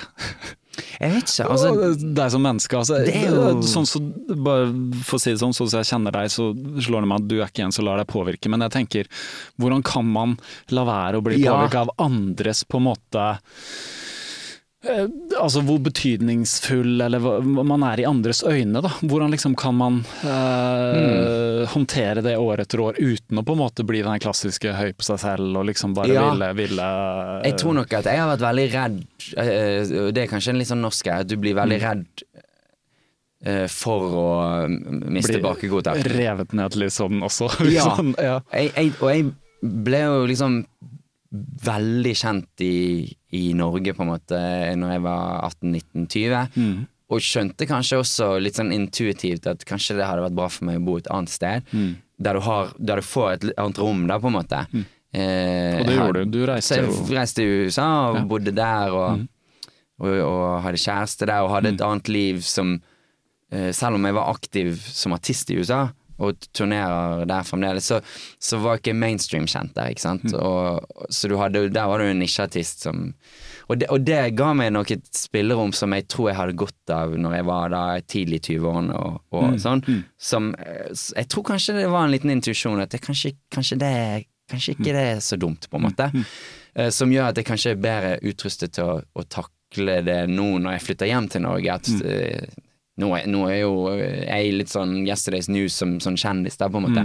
Men, og det, Mm, Det er jo litt befriende. Det er litt deilig. Ja, ja, ja. Samtidig som du også kommer hjem, og så er du fremdeles Det er jo mange som vet hvem jeg er, selv om ikke de kjenner musikken min. Så, mm. Og det er det som er stor forskjell. Men, men jeg har nok hatt en veldig sånn trygghet i musikken. Men, men jeg, skal nok ikke, jeg skal ikke påstå at jeg har vært upåvirket av det. Men jeg har reflektert mye om det, og jeg har hele tiden prøvd å gjennomskue meg sjøl. Men det er klart det appellerer jo i perioder der du har mye medvind. Og mye ytre på en måte suksess, da. Så, så, så er det jo Det er jo ting som Det appellerer jo til også eh, og egoet og blåse det litt opp. Eh, så det gjelder hele tiden å holde det i en eller annen sånn balanse. Men, og den balansen får jo jeg føler jeg særlig nå når jeg på en måte driver veldig min egen virksomhet. Altså jeg spilte nettopp uh, nylig fire konserter på to dager på Parkteatret, og med en gang siste konserten er over, så, så eh, så er det jo jeg som bærer all merchen inn i, inn i, Ja, i kjelleren min når det er ferdig. Der sto jeg alene en lørdagskveld, liksom. Rett etter, og da har jeg nettopp stått og vært. Jeg har vært triumferende på scenen, og, og, og, og veldig mange tenker jo sikkert at det er alltid noen andre som gjør den jobben. Men i stor grad så er det jeg som gjør den jobben også, da. Fordi at jeg kan. Jeg er jo en eh, sunn Altså, jeg har eh, og også, jeg vet hva det koster å eventuelt få andre til å gjøre det, så velger jeg ja, men jeg kan gjøre de greiene selv. Det koster ikke meg så mye. Men da sto jeg der i, i sånn litt sånn blest, og det var kaldt, og det var glatt, og det var lørdagskveld, og alle andre gikk videre på fest, for de har ikke merch, ikke sant. De har gjort jobben, de har spilt, de har alt sånn. Mens jeg har både spilt og gjort alt det, men jeg er også faen, helvetes merch. Og da sto jeg der, og da tenkte jeg faen, ja, ja. Nå holder det så sinnssykt ekte. Ja, det er ikke så glamorøst. Men det, sånne ting er bra. Ja. Det er bra Ja, å være i kontakt med den delen av jobben også. Det men det er jo samtidig også, får jo det til å være ydmyk, fordi at jeg hadde jo tenkt også at jeg skulle selge mer merch, at det skulle være Mm. Mye mindre ja. Så du får liksom rent sånn Mm. fysisk kjenne på vekten. Eh, av på en måte det, det liksom Det som- skaden det gjør til egoet ditt. Ja, Du må ja. fysisk bære Ja. den merchen så du tenker Faen, jeg trodde jeg skulle bli utsolgt for genser i kveld, og nå må jeg bære liksom ti kilo genser ned igjen i kjelleren. Ja, kanskje neste gang. Og det, da, da får egoet sjøltillit. Ja, det, det, det er godt sagt. Ja, men det, det skjønner jeg at det blir ganske jordende nå, altså. Gud, men det er, du har faktisk lagd en genser, eh, jeg tror min datter sier han fikk igjen. Det er eh, den fantastiske coveret på den nye plata di, som er Nikolai, hva heter han? Ja, Nikolai Torgersen har Ja. altså Som er jo eh, en av de store kunstnerne nå om dagen. Mm. Eller det altså virkelig, virkelig en fantastisk kunstner. Ja, han har virkelig entret scenen. Ja, virkelig entret scenen. Han Jeg har kjent han i en god del år, og han har alltid vært interessert i min musikk, og jeg har vært mm. interessert i hans kunst, og vi har snakket om å, å gjøre ting sammen, men han begynte i eh, høsten 2020. eh, Så begynte han å legge ut en del sånne tegninger som jeg ble veldig, veldig interessert i. Mm. Uh, og, og, og ble, plutselig ble han også gikk inn i en sånn produktiv eh, fase. Han uh, hadde fått litt sånn orden på livet sitt. Og jo mer jeg så av de tegningene, jo mer te- tenkte jeg bare faen jeg, jeg, jeg, vil at han skal tegne Coveret. cover. Ja. Så jeg gikk inn i dialog med han om det ganske mens jeg sto midt i platen, egentlig sånn tidlig i 2021. Og han var med på det, så han rett og slett tegna alle måte, visuelle elementer. da. Så klart Albumcover, singelcover, plakater, eh, gensere og, og eh, små detaljer på turnéplakater. Alt sånn er håndtegner han. eh, grafiske trykk og alt sånn. Og, og så skal det også da resultere rett og slett i en kunstutstilling som skal åpne dagen før eh, platen kommer, da. Mm. 31. mars i Bergen. Ok, kult. Da skal På Kulturhuset der så åpner, linke til. da åpner eh, Avatars of Love, uh, The Exhibition, der med Ja. Nicolai Torgersen og meg. Så det, og da kommer liksom alt arbeid, også arbeid som ikke er blitt brukt, kommer til å bli stilt ut der og auksjonert borte. Fett. Uh, han, han, ja, han er ettertraktet han selv. Han klarer ikke Ja. produsere nok. Nei, altså For han, gjør jo ting Og alt, Ja. all den å eksplosjonen rundt han, det har jo skjedd eh, egentlig etter eh, Etter vi begynte å jobbe sammen. Altså, ikke, Mm. ikke, ikke det at det har med det å gjøre, men, men det har skjedd veldig raskt. Så på en måte Mm. hans å si, eh, Oppmerksomheten rundt han, den har forandret seg helt eh, fra, fra vi begynte å jobbe sammen Mm. til nå. Så han har jo altfor mye å gjøre, stakkars. Mm, mm. Og jeg Han må lære seg å håndtere ja, for jeg er hele tiden på han så Ja. klart med Nå skal jeg ha singelcoveret til den, Ja, ja, ja. Men han, er, han, er, han jobber Han er virkelig en prins, og Ja.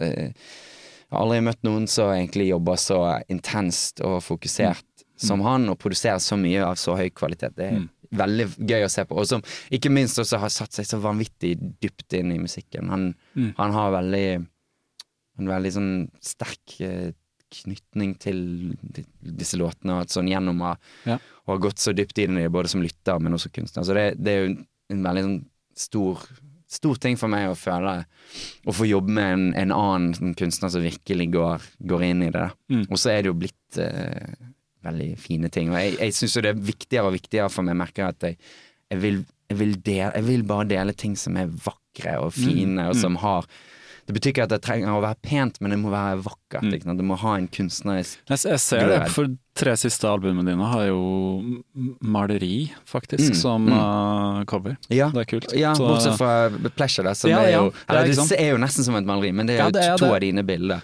i en slags collage, på en måte. ja. Så Men det- det, er den siste gang du had- hadde selv på coveret, og jeg tenker Ja. at trenger man å være selv på cover i dag? Altså, Ja, jeg, jeg men syns det det, er det, det er morsomt, fortell den historien om Patience-coveret. Um, Ja. For det er jo det tror jeg, jeg vet ikke, Du har kanskje fortalt den et annet sted, men det er litt Jo, sånn jo. gøy. Altså, det er jo, ikke sant, det er jo Patience Cover er jo et maleri av en australsk kunstner som heter Laurie Bell Spirovsky. Og det bildet fant min eh, Eller jeg, min, jeg tror min ekskjæreste fant hun, hennes kunst, noen andre bilder av hun, tror jeg det var, på Instagram. Mm. Hun er gøy å følge på Instagram. Og For jeg lette etter noen greier til albumcover, og da, og da um, Plutselig så fant jeg det Mm. dette bildet som nå er coveret på Patience-albumet, men som Og som all, de aller fleste jeg møter, tror jo er jo et maleri av meg. Altså at noen har malt Ja, meg. det er noe med sveisen og Det noe med ansiktet. Og selv om det er ganske sånn det er jo ikke et ansikt. Ja, det er jo ikke en skikkelse, på en måte. Det er en skikkelse. Men eh, håret kanskje har mye å si. Men, Ja, ja, men og, og jeg så jo det også. Og det, der er det kanskje egoet til eh, klikker inn. For når jeg så det, så tenkte jeg bare med en gang Det ser ut som meg. Ja. Det det, det, det ser jo ut som deg. Og, det, og, jeg likte nettopp det at det er ikke meg, men det ser ut som meg. Og det er malt før. Og det er malt før. Og hadde hun hørt musikken din? Aldri liksom? Nei. Så jeg sendte jo bare en forespørsel til henne. jeg- Ja. Og, og da sa jeg ikke til henne det ligner på meg, jeg ville Nei. ikke Nei, nei, la farge hennes bedømmelse. Jeg, jeg sa bare det, kan jeg bruke det, og så gjorde vi en deal. Mm. Og, så, og så har jeg jo siden gått videre i samarbeid med henne, som har brukt tre andre Mm. uh, liksom mannsportretter i samme serie som etiketter på de første vinflaskene da, av denne Ja. naturvinen min. For du har vin ute. Ja, ja. um, ja. Det, hvordan, hvordan, kom, hvordan skjedde det? Altså, dette også var jo bare noe som skjedde sommeren 2020, i det der hyperaktive ja. modusen min. At jeg var, jeg var mye ute og, og drakk og festet og hadde det gøy, og, og drakk nydelig rosé som hadde samme fargen som maleriet til Patience, og så begynte jeg bare Ja, men faen, vi skulle jo lagd Mm. vin med disse etikettene, og jeg begynte jo sånn Og så kom jeg da i kontakt med Nondo, som er jo største distributøren i Norge på, på biodynamisk På nat- vin og naturvin. naturvin og organiske ting. Bare de- for å ta litt kontekst. altså Nondos er eh, De, de distribuerer vin gjennom Vinmonopolet, eller Ja. restauranter som er helt ren. Ikke Ja. bare, Jeg vet at de sier det ikke bare økologisk, men for at du kan lage økologisk vin, men også være tilsatt andre ting. Det Det er er, det, det er, ren, det er ren vin.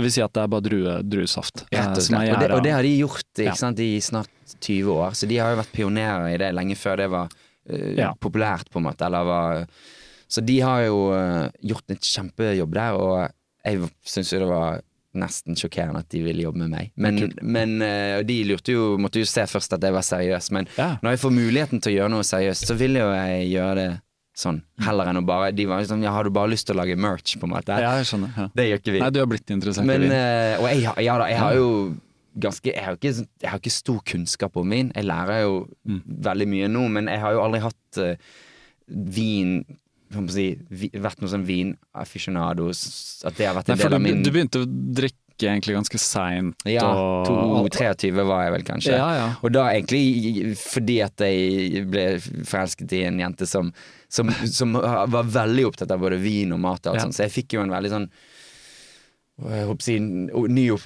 oppdragelse eller dannelsesreise, da, Mm. Ja. i, egentlig i møte med Mona. Eh, så eh, så, eh, men så har jeg liksom det har, det har aldri vært øl for meg, og det har egentlig aldri vært sprit heller. Det har vært, blitt der vin. Mm. Og så særlig de siste årene så har jeg, har jeg på en måte blitt litt, litt mer eh, nysgjerrig og Mm. begynt å smake litt mer og fått litt mer bevisst forhold til det. Men, men jeg eh, Men nå har du altså Du har vært. Du var jo på en tur både Spania og Italia. Og, Ja. og, Jeg var eh, nå i, i fjor høst, så fikk jeg endelig reise der ned til Casteldage, som Mm. er vingården i Catalonia i Spania som, som eh, lager de tre første patosflaskene, da. Mm. Som, som nå kommer i Nå Den ene kommer inn i tredje årgang nå, og den andre kommer i andre årgang. Mm. Og så har vi da en, en sånn en cava også som, som, som vi kan lage heldigvis mye mer av. Så det har gått veldig bra. De, de, de det var godt å få møte de, vi har jo snakket mye på telefon og på Zoom og sånn, og, og få være der og smake på neste årgang og alt sånn. Altså det var, det var kjempestas. Ja. Og så tok jeg en reise til Italia også, da, for jeg holder på å utvikle det som blir på en måte neste serie fra Patos, da. Mm. Som blir italienske viner, og som eh, det kommer Fra Sicilia, stemmer det? Eller? Ja. En, en fra Sicilia, og Mm. en fra oppe i nord, da. Ja. Så kommer, eh, Mm. så kommer ganske snart. Det er italiensk vin jeg har drukket mest av, Ja. som jeg og min kone da er mest opptatt av. Men Tale, min kone, er veldig opptatt av siciliansk vin, og har, jeg har vært der og pleier å kjøpe sicilianske viner, og det er mye bra. Ja, denne Veldig mye bra. Jeg, jeg, skal, jeg, jeg kan ikke røpe altfor mye ennå, men, men eh, jeg har fått muligheten til å jobbe med to forskjellige vinprodusenter i Italia som, som er veldig, Ja, veldig jeg vet jo Så- hvem Ja, Ja. så det, Så det, blir det kult når du kan slippe den ja, uh, Det kommer til, Det blir stas. kommer til sommeren. Da. Ja, ja. Eh, tre nye flasker Ja. Patos, Ja. i tillegg til de, de tre andre. Da. Så det, det har jo også beveget Jeg liker å bevege meg når jeg, får mu, når jeg skal finne ut om jeg kan gjennomføre noe eller gjøre noe, så liker jeg å finne ut ganske raskt. Kan jeg gjennomføre det? Du har jo helt klart en så- entreprenør i deg. Ja, På mange måter. Du, du, ja, ja, du snakka litt om det i sted, jeg skjønte du sa vel en kremmer, men det er liksom Ja. litt sånn samme å kalle Ja. kremmer gründer, entreprenør. Ja, det er de som, de som ser muligheter til å på en måte bringe noe av verdi Ja. ut, da. Ja, og så liker jeg det å se hva kan gjøres, og så eventuelt Mm. møter du veggen. Faen, jeg kommer ikke lenger. Ok, Nei. men Da Ja, gir du ja. slipp på det, og så gjør du noe annet. Ja. Og det, det liker jeg, men, og, og det, det med muligheter, det, det har jeg tenkt på i musikken også, at, at i større, mer, den store omveltningen for meg i, i måten jeg lager musikk på de siste ti årene versus de første ti årene, er, er at jeg, jeg merker at jeg At den tryggheten kanskje gjør at jeg At jeg, at jeg ser mulighet Jeg ser flere muligheter i musikken. Mm. Og, at, og at kanskje egentlig er bare musikk og kreativitet for meg er, er bare evnen til å se muligheter. Mm. Og, og, og når du på en måte Det er jo ikke all, hver dag man våkner opp og ser muligheter i verken livet eller musikken eller i entreprenør. Altså, det, sånn er det jo. Og det, sånn har jeg det også. Eh, noen ganger så lurer jeg på hvorfor jeg setter i gang så mye ting, for det, du må jo følge det opp også. Mm. Og det er ikke sånn at jeg har en harem av folk som gjør det for meg. Jeg, det er jo jeg som drifter dette, så det blir veldig mye jobb. Ja, jeg kjenner det litt selv også. Kan, eh, det, er litt, det er litt en slags sånn eh,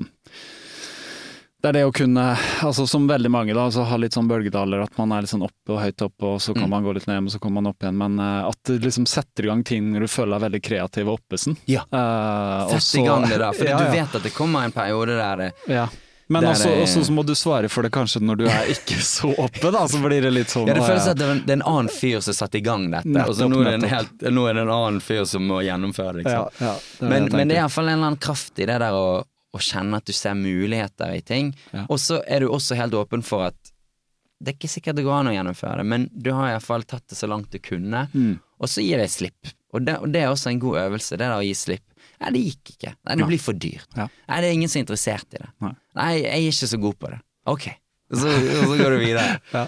Men det, det er litt uh, akkurat det du snakker om der. Jeg tenkte meg, jeg har lest litt stoisk filosofi, og det er sånn stoikerne er sånn ok, kan jeg ikke gjøre noe med det, så ok, la det, la det være litt og gå videre og sånn. Ja. Istedenfor å kjempe liksom skal tvinge Ja. ting til å bli sånn som jeg vil ha det. Absolutt. For Og det er vel sånn man, som en litt sånn klisjé selvfølgelig et bilde på livet, da, at det er jo en elv, og den elven går jo ikke bare rett fram. Nei. Og hvis den svinger til høyre, så må du liksom ha evnen til å bare Ok, da blir jeg med strømmen her, da. Ja, Istedenfor til- å tenke at nei, nå vil jeg liksom Ja, tvinge men jeg hadde den derre planlagt at det skulle gå rett fram nå de neste fire ukene. ja, ja. Fullt kjør, liksom. Og, det, og det, sånn er det for alle som starter liksom, egne Mm. gründere og starter bedrift. Så ah, det er bare ideen, og alt er så enkelt og greit. Mm. Og så kommer det komplekse, men de må ha evnen til å stå, stå i det. Mm. Ja, virkelig. Og det er jo klart, det lærer jo livet deg, først og Ja, fremst. ja. Det er jo kanskje den største ressursen. Er jo, er jo eh, at Det høres ut som en klisjé, men livet lærer. Altså, livet, det er jo, livet lærer. det er jo bare- Hvis ikke så ville vi jo bare stått der og Mm. gjort, de samme ja, tingene Da har du stått og stanget hodet i veggen som, som en eller annen sånn Ja. i et dataspill, liksom. Ja. Og du bare, øh, står der, liksom. Men det, det går jo ikke an å gå inn den døren. Det er ikke en dør, det er vegg. Ja. Ok, så- Men er det noe vei rundt, videre. liksom? Ja. Men uh, egentlig veldig bra. Jeg syns jeg har hatt så bra intensitet her, så jeg skal ikke Ja. dra det så sinnssykt langt. Men hva, hva, hva skjer nå eh, når plata har kommet Uh, ut? Hva, hva skjer da? Det, våren kommer, og Våren kommer. da skal du fremføre den, Jeg skal jo det, og, og det er jo en plate som er såpass stor at jeg skulle jo ønske at jeg hadde mer ressurser og på en måte egentlig større scener, og kanskje større publikum egentlig å fremføre den for. Mm. Fordi at aller gøyest hadde jo det vært å stå i operarom, operahaller rundt omkring i verden og, og, Mm. og ha et lite orkester. Altså ha alt sånn. Mm. Men sånn, sånn, sånn er det ikke. Så jeg skal i, i, eh, Nå i eh, april skal jeg reise rundt solo og Mm. spille eh, et par utvalgte gigger der, for det er lenge siden jeg har spilt i Europa. Og jeg har Mm. ikke sånn kjempestort publikum. Det er litt sånn spredt og rotete. Mhm. Så jeg skal litt rundt, og da er det en fordel at alle disse låtene er jo faktisk skrevet bare på akustisk gitar alene på hybel. Så da stripper du litt ned kan, ja, og det, det går Ja, ja, fint med egentlig alle. Så da skal jeg gjøre det, og så skal jeg på en uh, turné med litt utvidet eh, ensemble der, da, i USA, Mhm. i mai. Med blant annet Dave da på trommer, og vi holder på å finne ut på en måte akkurat hva som er mulig, både Mm. i forhold til hvem, hva, hva slags Hva, vi trenger, og Ja. hva vi har råd til, og sånne Ja, ting. ja. Men da er det også, begynner det å bli faktisk tre-fire år siden jeg har turnert i USA. Så det er også er jo det litt eh, knyttet litt sånn spenning til fra min side, for det er lenge siden jeg har gjort de der en sånn lange USA-turneene Mm. som jeg gjorde Det gjorde hele tiden før. Ja, ja, kjørte rundt og, Ja, og kyst til kyst, liksom. Ja, Mm. nå skal jeg gjøre det en liten runde igjen, Mm. og, og, så det blir litt spennende å se. Og så er det jo blir det jo eh, Norge hovedsakelig nå i sommer, da. Mm. Festivaler. Mm. Vi skal spille på Bergenfest, vi skal spille på Øya. Mm. Og forhåpentligvis mye greier imellom der også. Ja.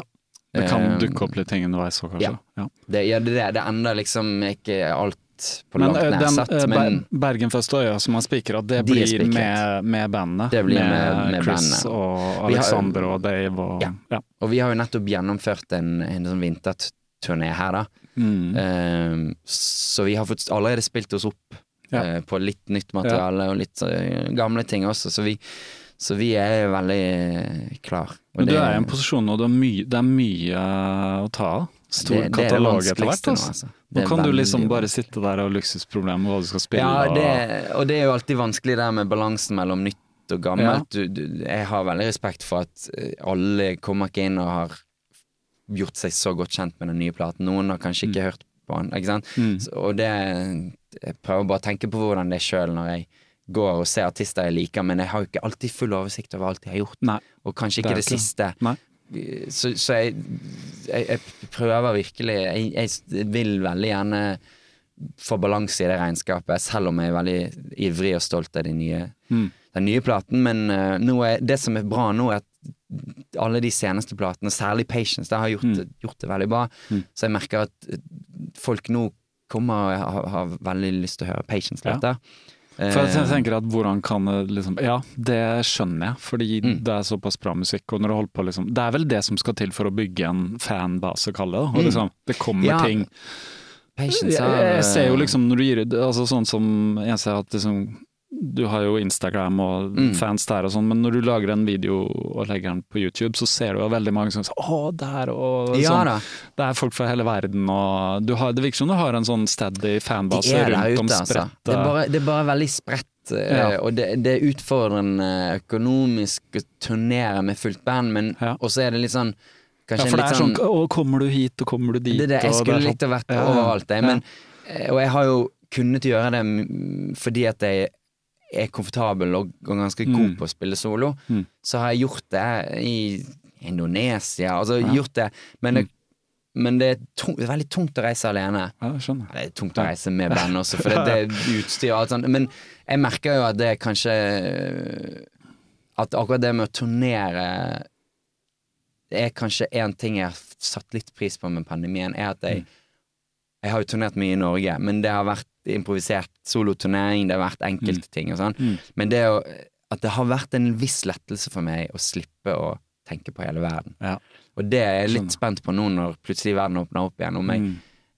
det kan være at jeg Eller jeg vet nok at jeg kommer til å ha lyst til å turnere litt mindre de neste ti årene enn jeg har gjort de Mm. siste 20, Mm. da. For jeg har turnert fryktelig mye. Du har det. Men hva, er- hva, hva er det som skal til for at på en måte Tenk med den plata som kommer nå, liksom. Mm. Hvor, hvor, hva skal til for at den liksom blir spredd og kjent? Da? For jeg tenker liksom Kvaliteten er jo der, åpenbart, men Mm. hva, hva er det som gjør at liksom vi hører Det er jo mye musikk, eh, og Ja, folk har nei, tilgang er jo, kontinuerlig altså- gjennom Spotify, YouTube, alt strømming, ikke sant? det er jo muskler, og muskler er penger, Ja, i, først det og fremst. handler om det. Og, Og uten et plateselskap i ryggen, så ja, blir det jeg, gir ut greiene sjøl, så, så øh, Og har et par gode hjelper, men, jeg, men, øh, men det er jo klart at det eh, Det Det er noen mekanismer det er som krever en mekanismer, del ja. Den ja. tan tanken om at de beste tingene flyter til toppen, liksom, det, Mm. den, den er ganske naiv. Det, sånn er jeg tror kanskje aldri platebransjen har funket sånn. Nei, nei. Men, men det var kanskje litt uh, nå, nå er det også så mange Så mange. Ikke sant? Det, er så, det er Mm. mye lyd, og det er så Mm. mye tilbud. Um, jeg jeg syns det er imponerende med yngre artister. Uh, De spør meg ofte hva, hva, har du noen tips, men jeg tenker, tenker alltid bare at jeg bør, jeg bør heller høre på deres tips. For det, Ja. hvordan skille seg ut, hvordan få et fotfeste nå, det, Mm. det, jeg opplever at det er mye vanskeligere nå enn det var når jeg kom på banen. Mm. Eh, Jeg ble jo signet på et stort plateselskap som brukte masse ressurser på Mm. at folk skulle Det var litt modellen, ikke sant? Ja, så det var, og det var en litt sånn ryddig modell. Ja, ja. Men så klart var det litt mer elitistisk på en måte, for Mm. da var det da var det sånn at uh, hvis ikke du ble signet på et stort plateselskap, så var det veldig vanskelig å få noe som helst til. Mm. Da ble det en lokal eh, Ja. liksom. Ja. Så det, jeg har jo vært kjempeheldig sånn sett, og, jeg, og opplever fremdeles at jeg, jeg i min posisjon er veldig privilegert. Mm. Eh, jeg også liker jo jobben min, selv om den er intens og alt sånn, men, men jeg eh, Og jeg tenker også ofte at faen, jeg, sånn som du sier, jeg, alle burde jo høre den platen, den er jo dritgod. uh, men jeg har nå en gang også valgt frihet framfor å på en måte selge meg til Mm. Jeg har ikke inngått publishing-dealer, jeg har Mm. ikke villet gi bort platen til et plateselskap, for da må jeg gi dem en kutt av alt jeg tjener. Altså sånne ting nå Jeg har tatt bevisste valg, og, de, og jeg må liksom ta konsekvensen av det. Og det er kanskje at da har ikke jeg muskler nok til å nå veldig bredt ut, eh, selv ikke i Norge der de fleste vet hvem jeg er. Og det er greit. Ja, altså det, men ja. det er klart det er noen ganger jeg tenker ja, men faen, denne burde jo alle høre. Jeg er veldig ambisiøs. Jeg har jo lyst til at radioen skal spille musikken de gangene jeg har en låt som kanskje kunne passet. Jeg skjønner jo at en ti minutter lang låt som heter Dead of the Night kommer jo ikke på radioen, liksom. Ja, det- det passer, viss, det passer jo ikke radioformatet, Nei, det er det. Så jeg har en viss sånn realistisk Ja. eh, orientering. Det, men, men en gang sånn en låt som Cut eller Summer in Reverse Mm. Mm. Kanskje det kan passe på en del uh, til og med kommersiell radio eller NRK og sånn, men, Mm. men, men jeg, jeg- og, og strømmetallene mine er jo veldig beskjedne i forhold til veldig, veldig mange andre artister også, så alt det er jo på en måte Jeg vet ikke, det, jeg må på en måte bare leve med det. Jeg, jeg er jo kjempeheldig, for jeg kan leve av å holde på med alt dette. Så jeg, så jeg, jeg føler meg egentlig veldig heldig, men det, klart, men eh, det er klart det er noen ganger man skulle bare ønske at man hadde denne en eller annen muskel eller koffert full av penger. Ja, ja, så du kunne bare, uten å måtte hele tiden lage et budsjett for å se hva er den smarteste måten å bruke disse 10 000 kronene her. Altså, det, det, er- en veldig sånn eh, Sånn er det å være nisjeartist, egentlig. på en måte.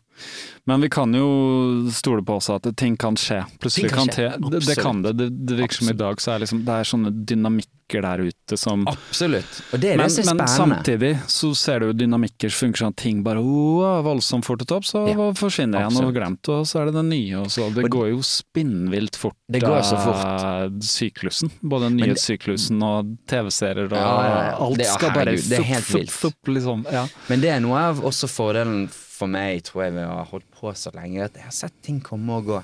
Mm. Og det meste eh, som kommer veldig fort, det går veldig fort. Det gjør det. Det er sant. Og, og så du får liksom Og da kanskje når jeg var yngre, så tenkte jeg faen, noen, det noen nye ting. Hva med meg? Ja. Mens nå er liksom Ja, jeg, spiller, jeg, jeg spiller the long game, på en måte. Og det er veldig takknemlig. Du løper tross alt maraton. Og, Liksom. ikke sant? Det er maraton. Dette er et maraton. Du, forresten, når blir det ultra? Når blir det, er det. Vet du hva, det tror jeg Hver gang Ja. eh, jeg hører om det, så Du, tenker da jeg trenger ikke løpe så fort, Sondre. Det Nei, er liksom, men det- jeg liker det er jeg er, vet du. Ja, jeg Jeg skjønner. vil løpe fort!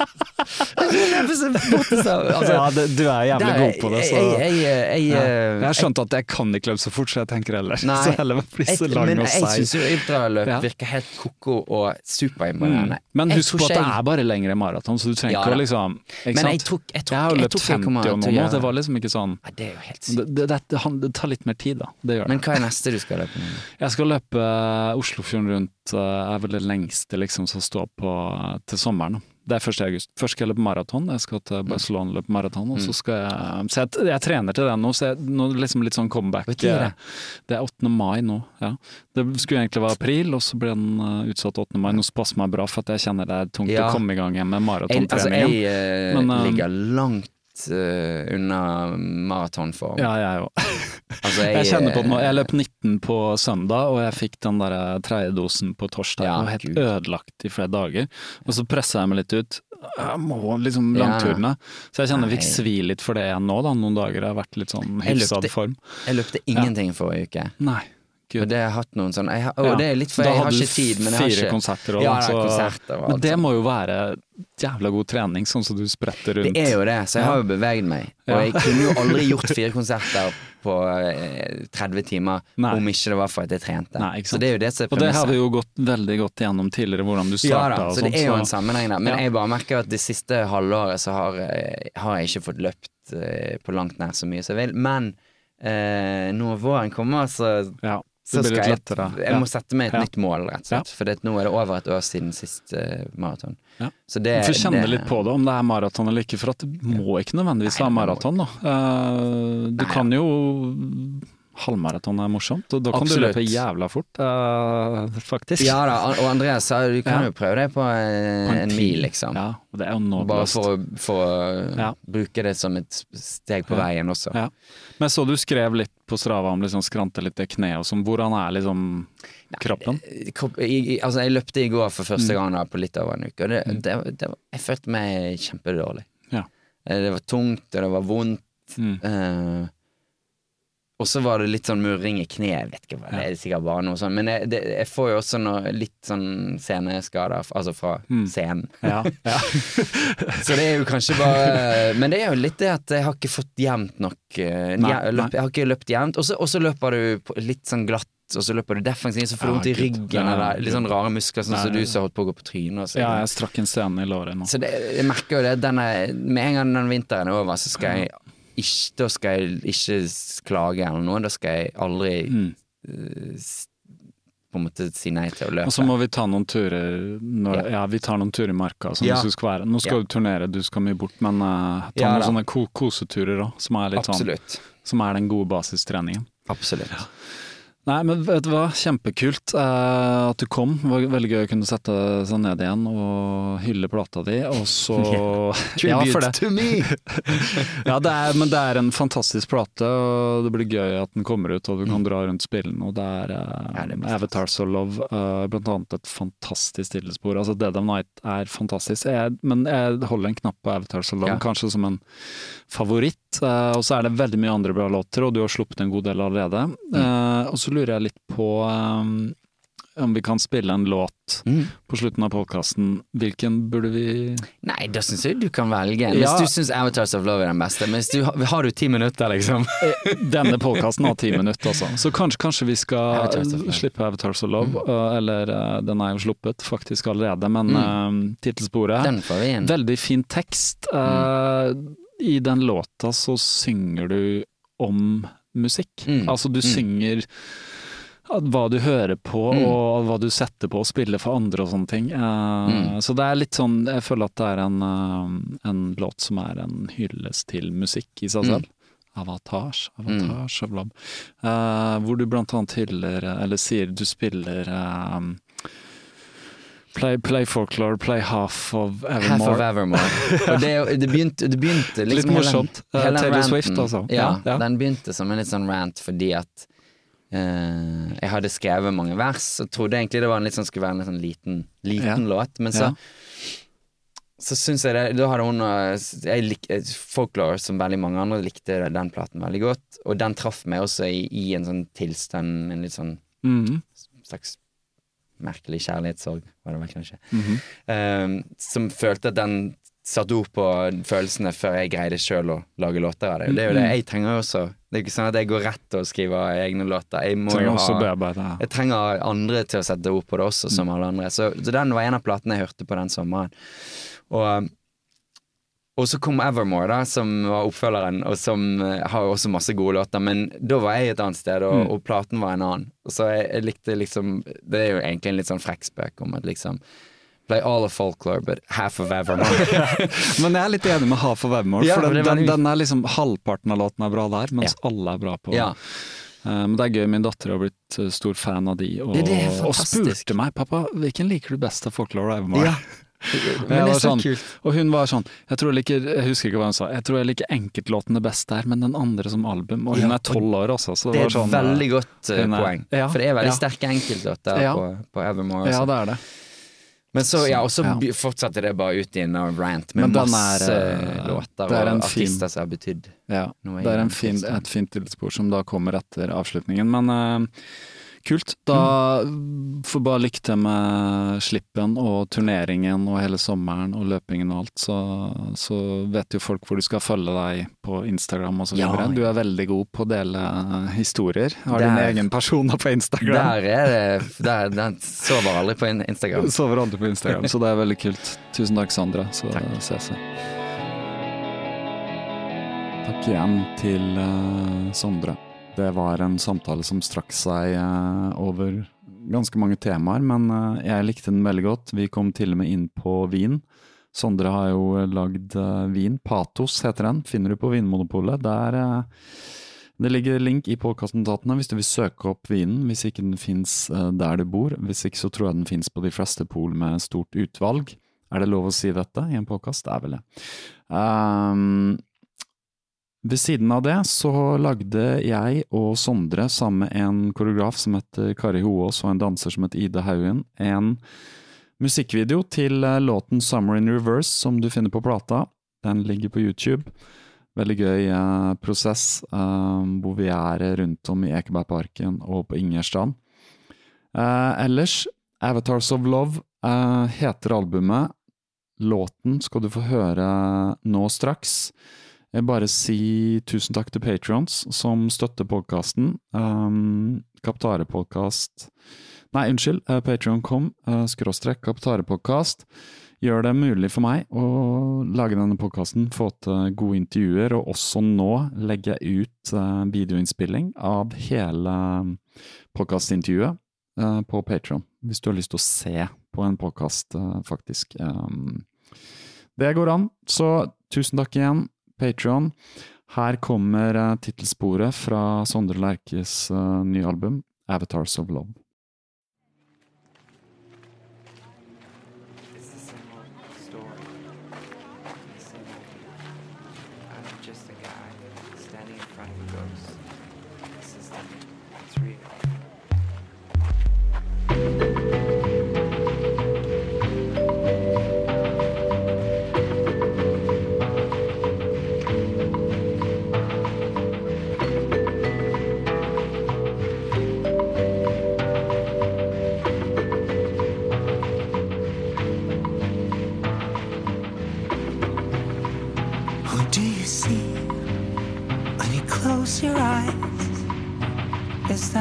Of me, a part of the disguise.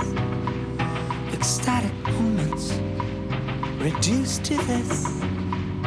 Is it a remedy or is it the abyss? We knew the danger, we rose above, and for a second we were avatars of love. We came very close,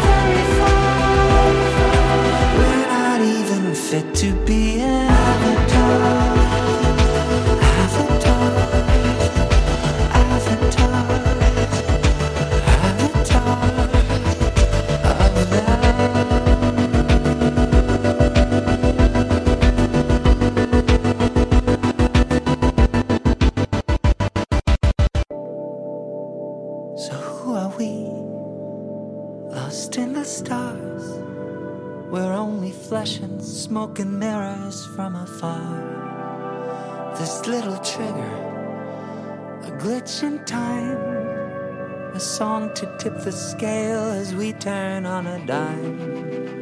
Play all of folklore and all of blue.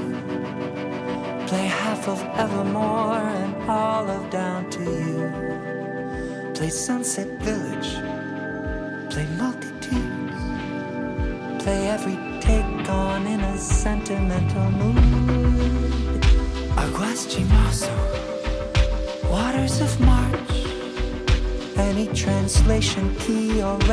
from any chart.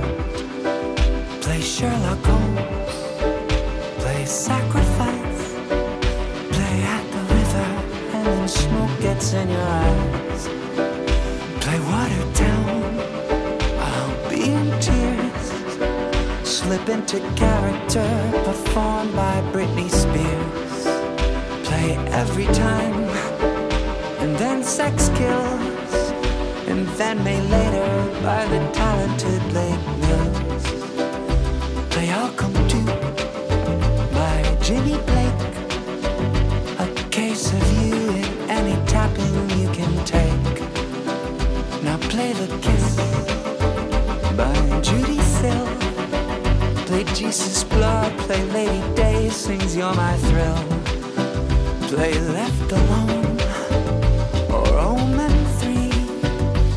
You could see me now by Chet or Peggy Lee.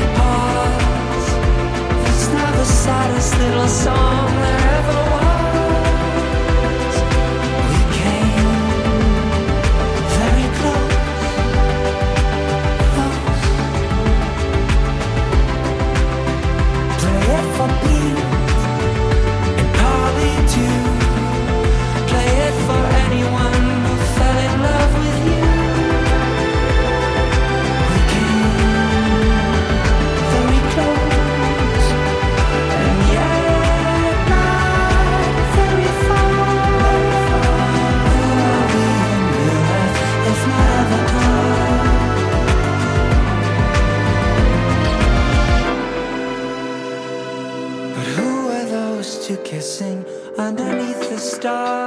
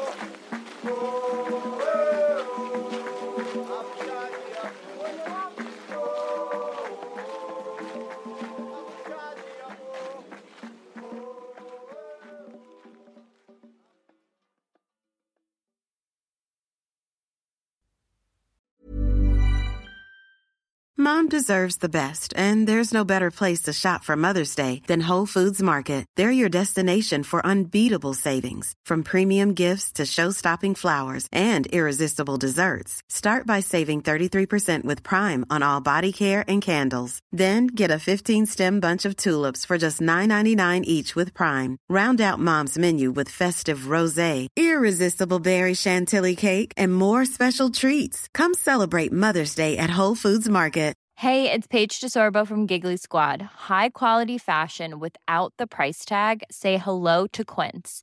I'm snagging high-end essentials like cozy cashmere sweaters, sleek leather jackets, fine jewelry, and so much more. With Quince being 50 to 80% less than similar brands. And they partner with factories that prioritize safe, ethical, and responsible manufacturing. I love that. Luxury quality within reach. Go to quince.com slash style to get free shipping and 365 day returns on your next order. Quince.com slash style.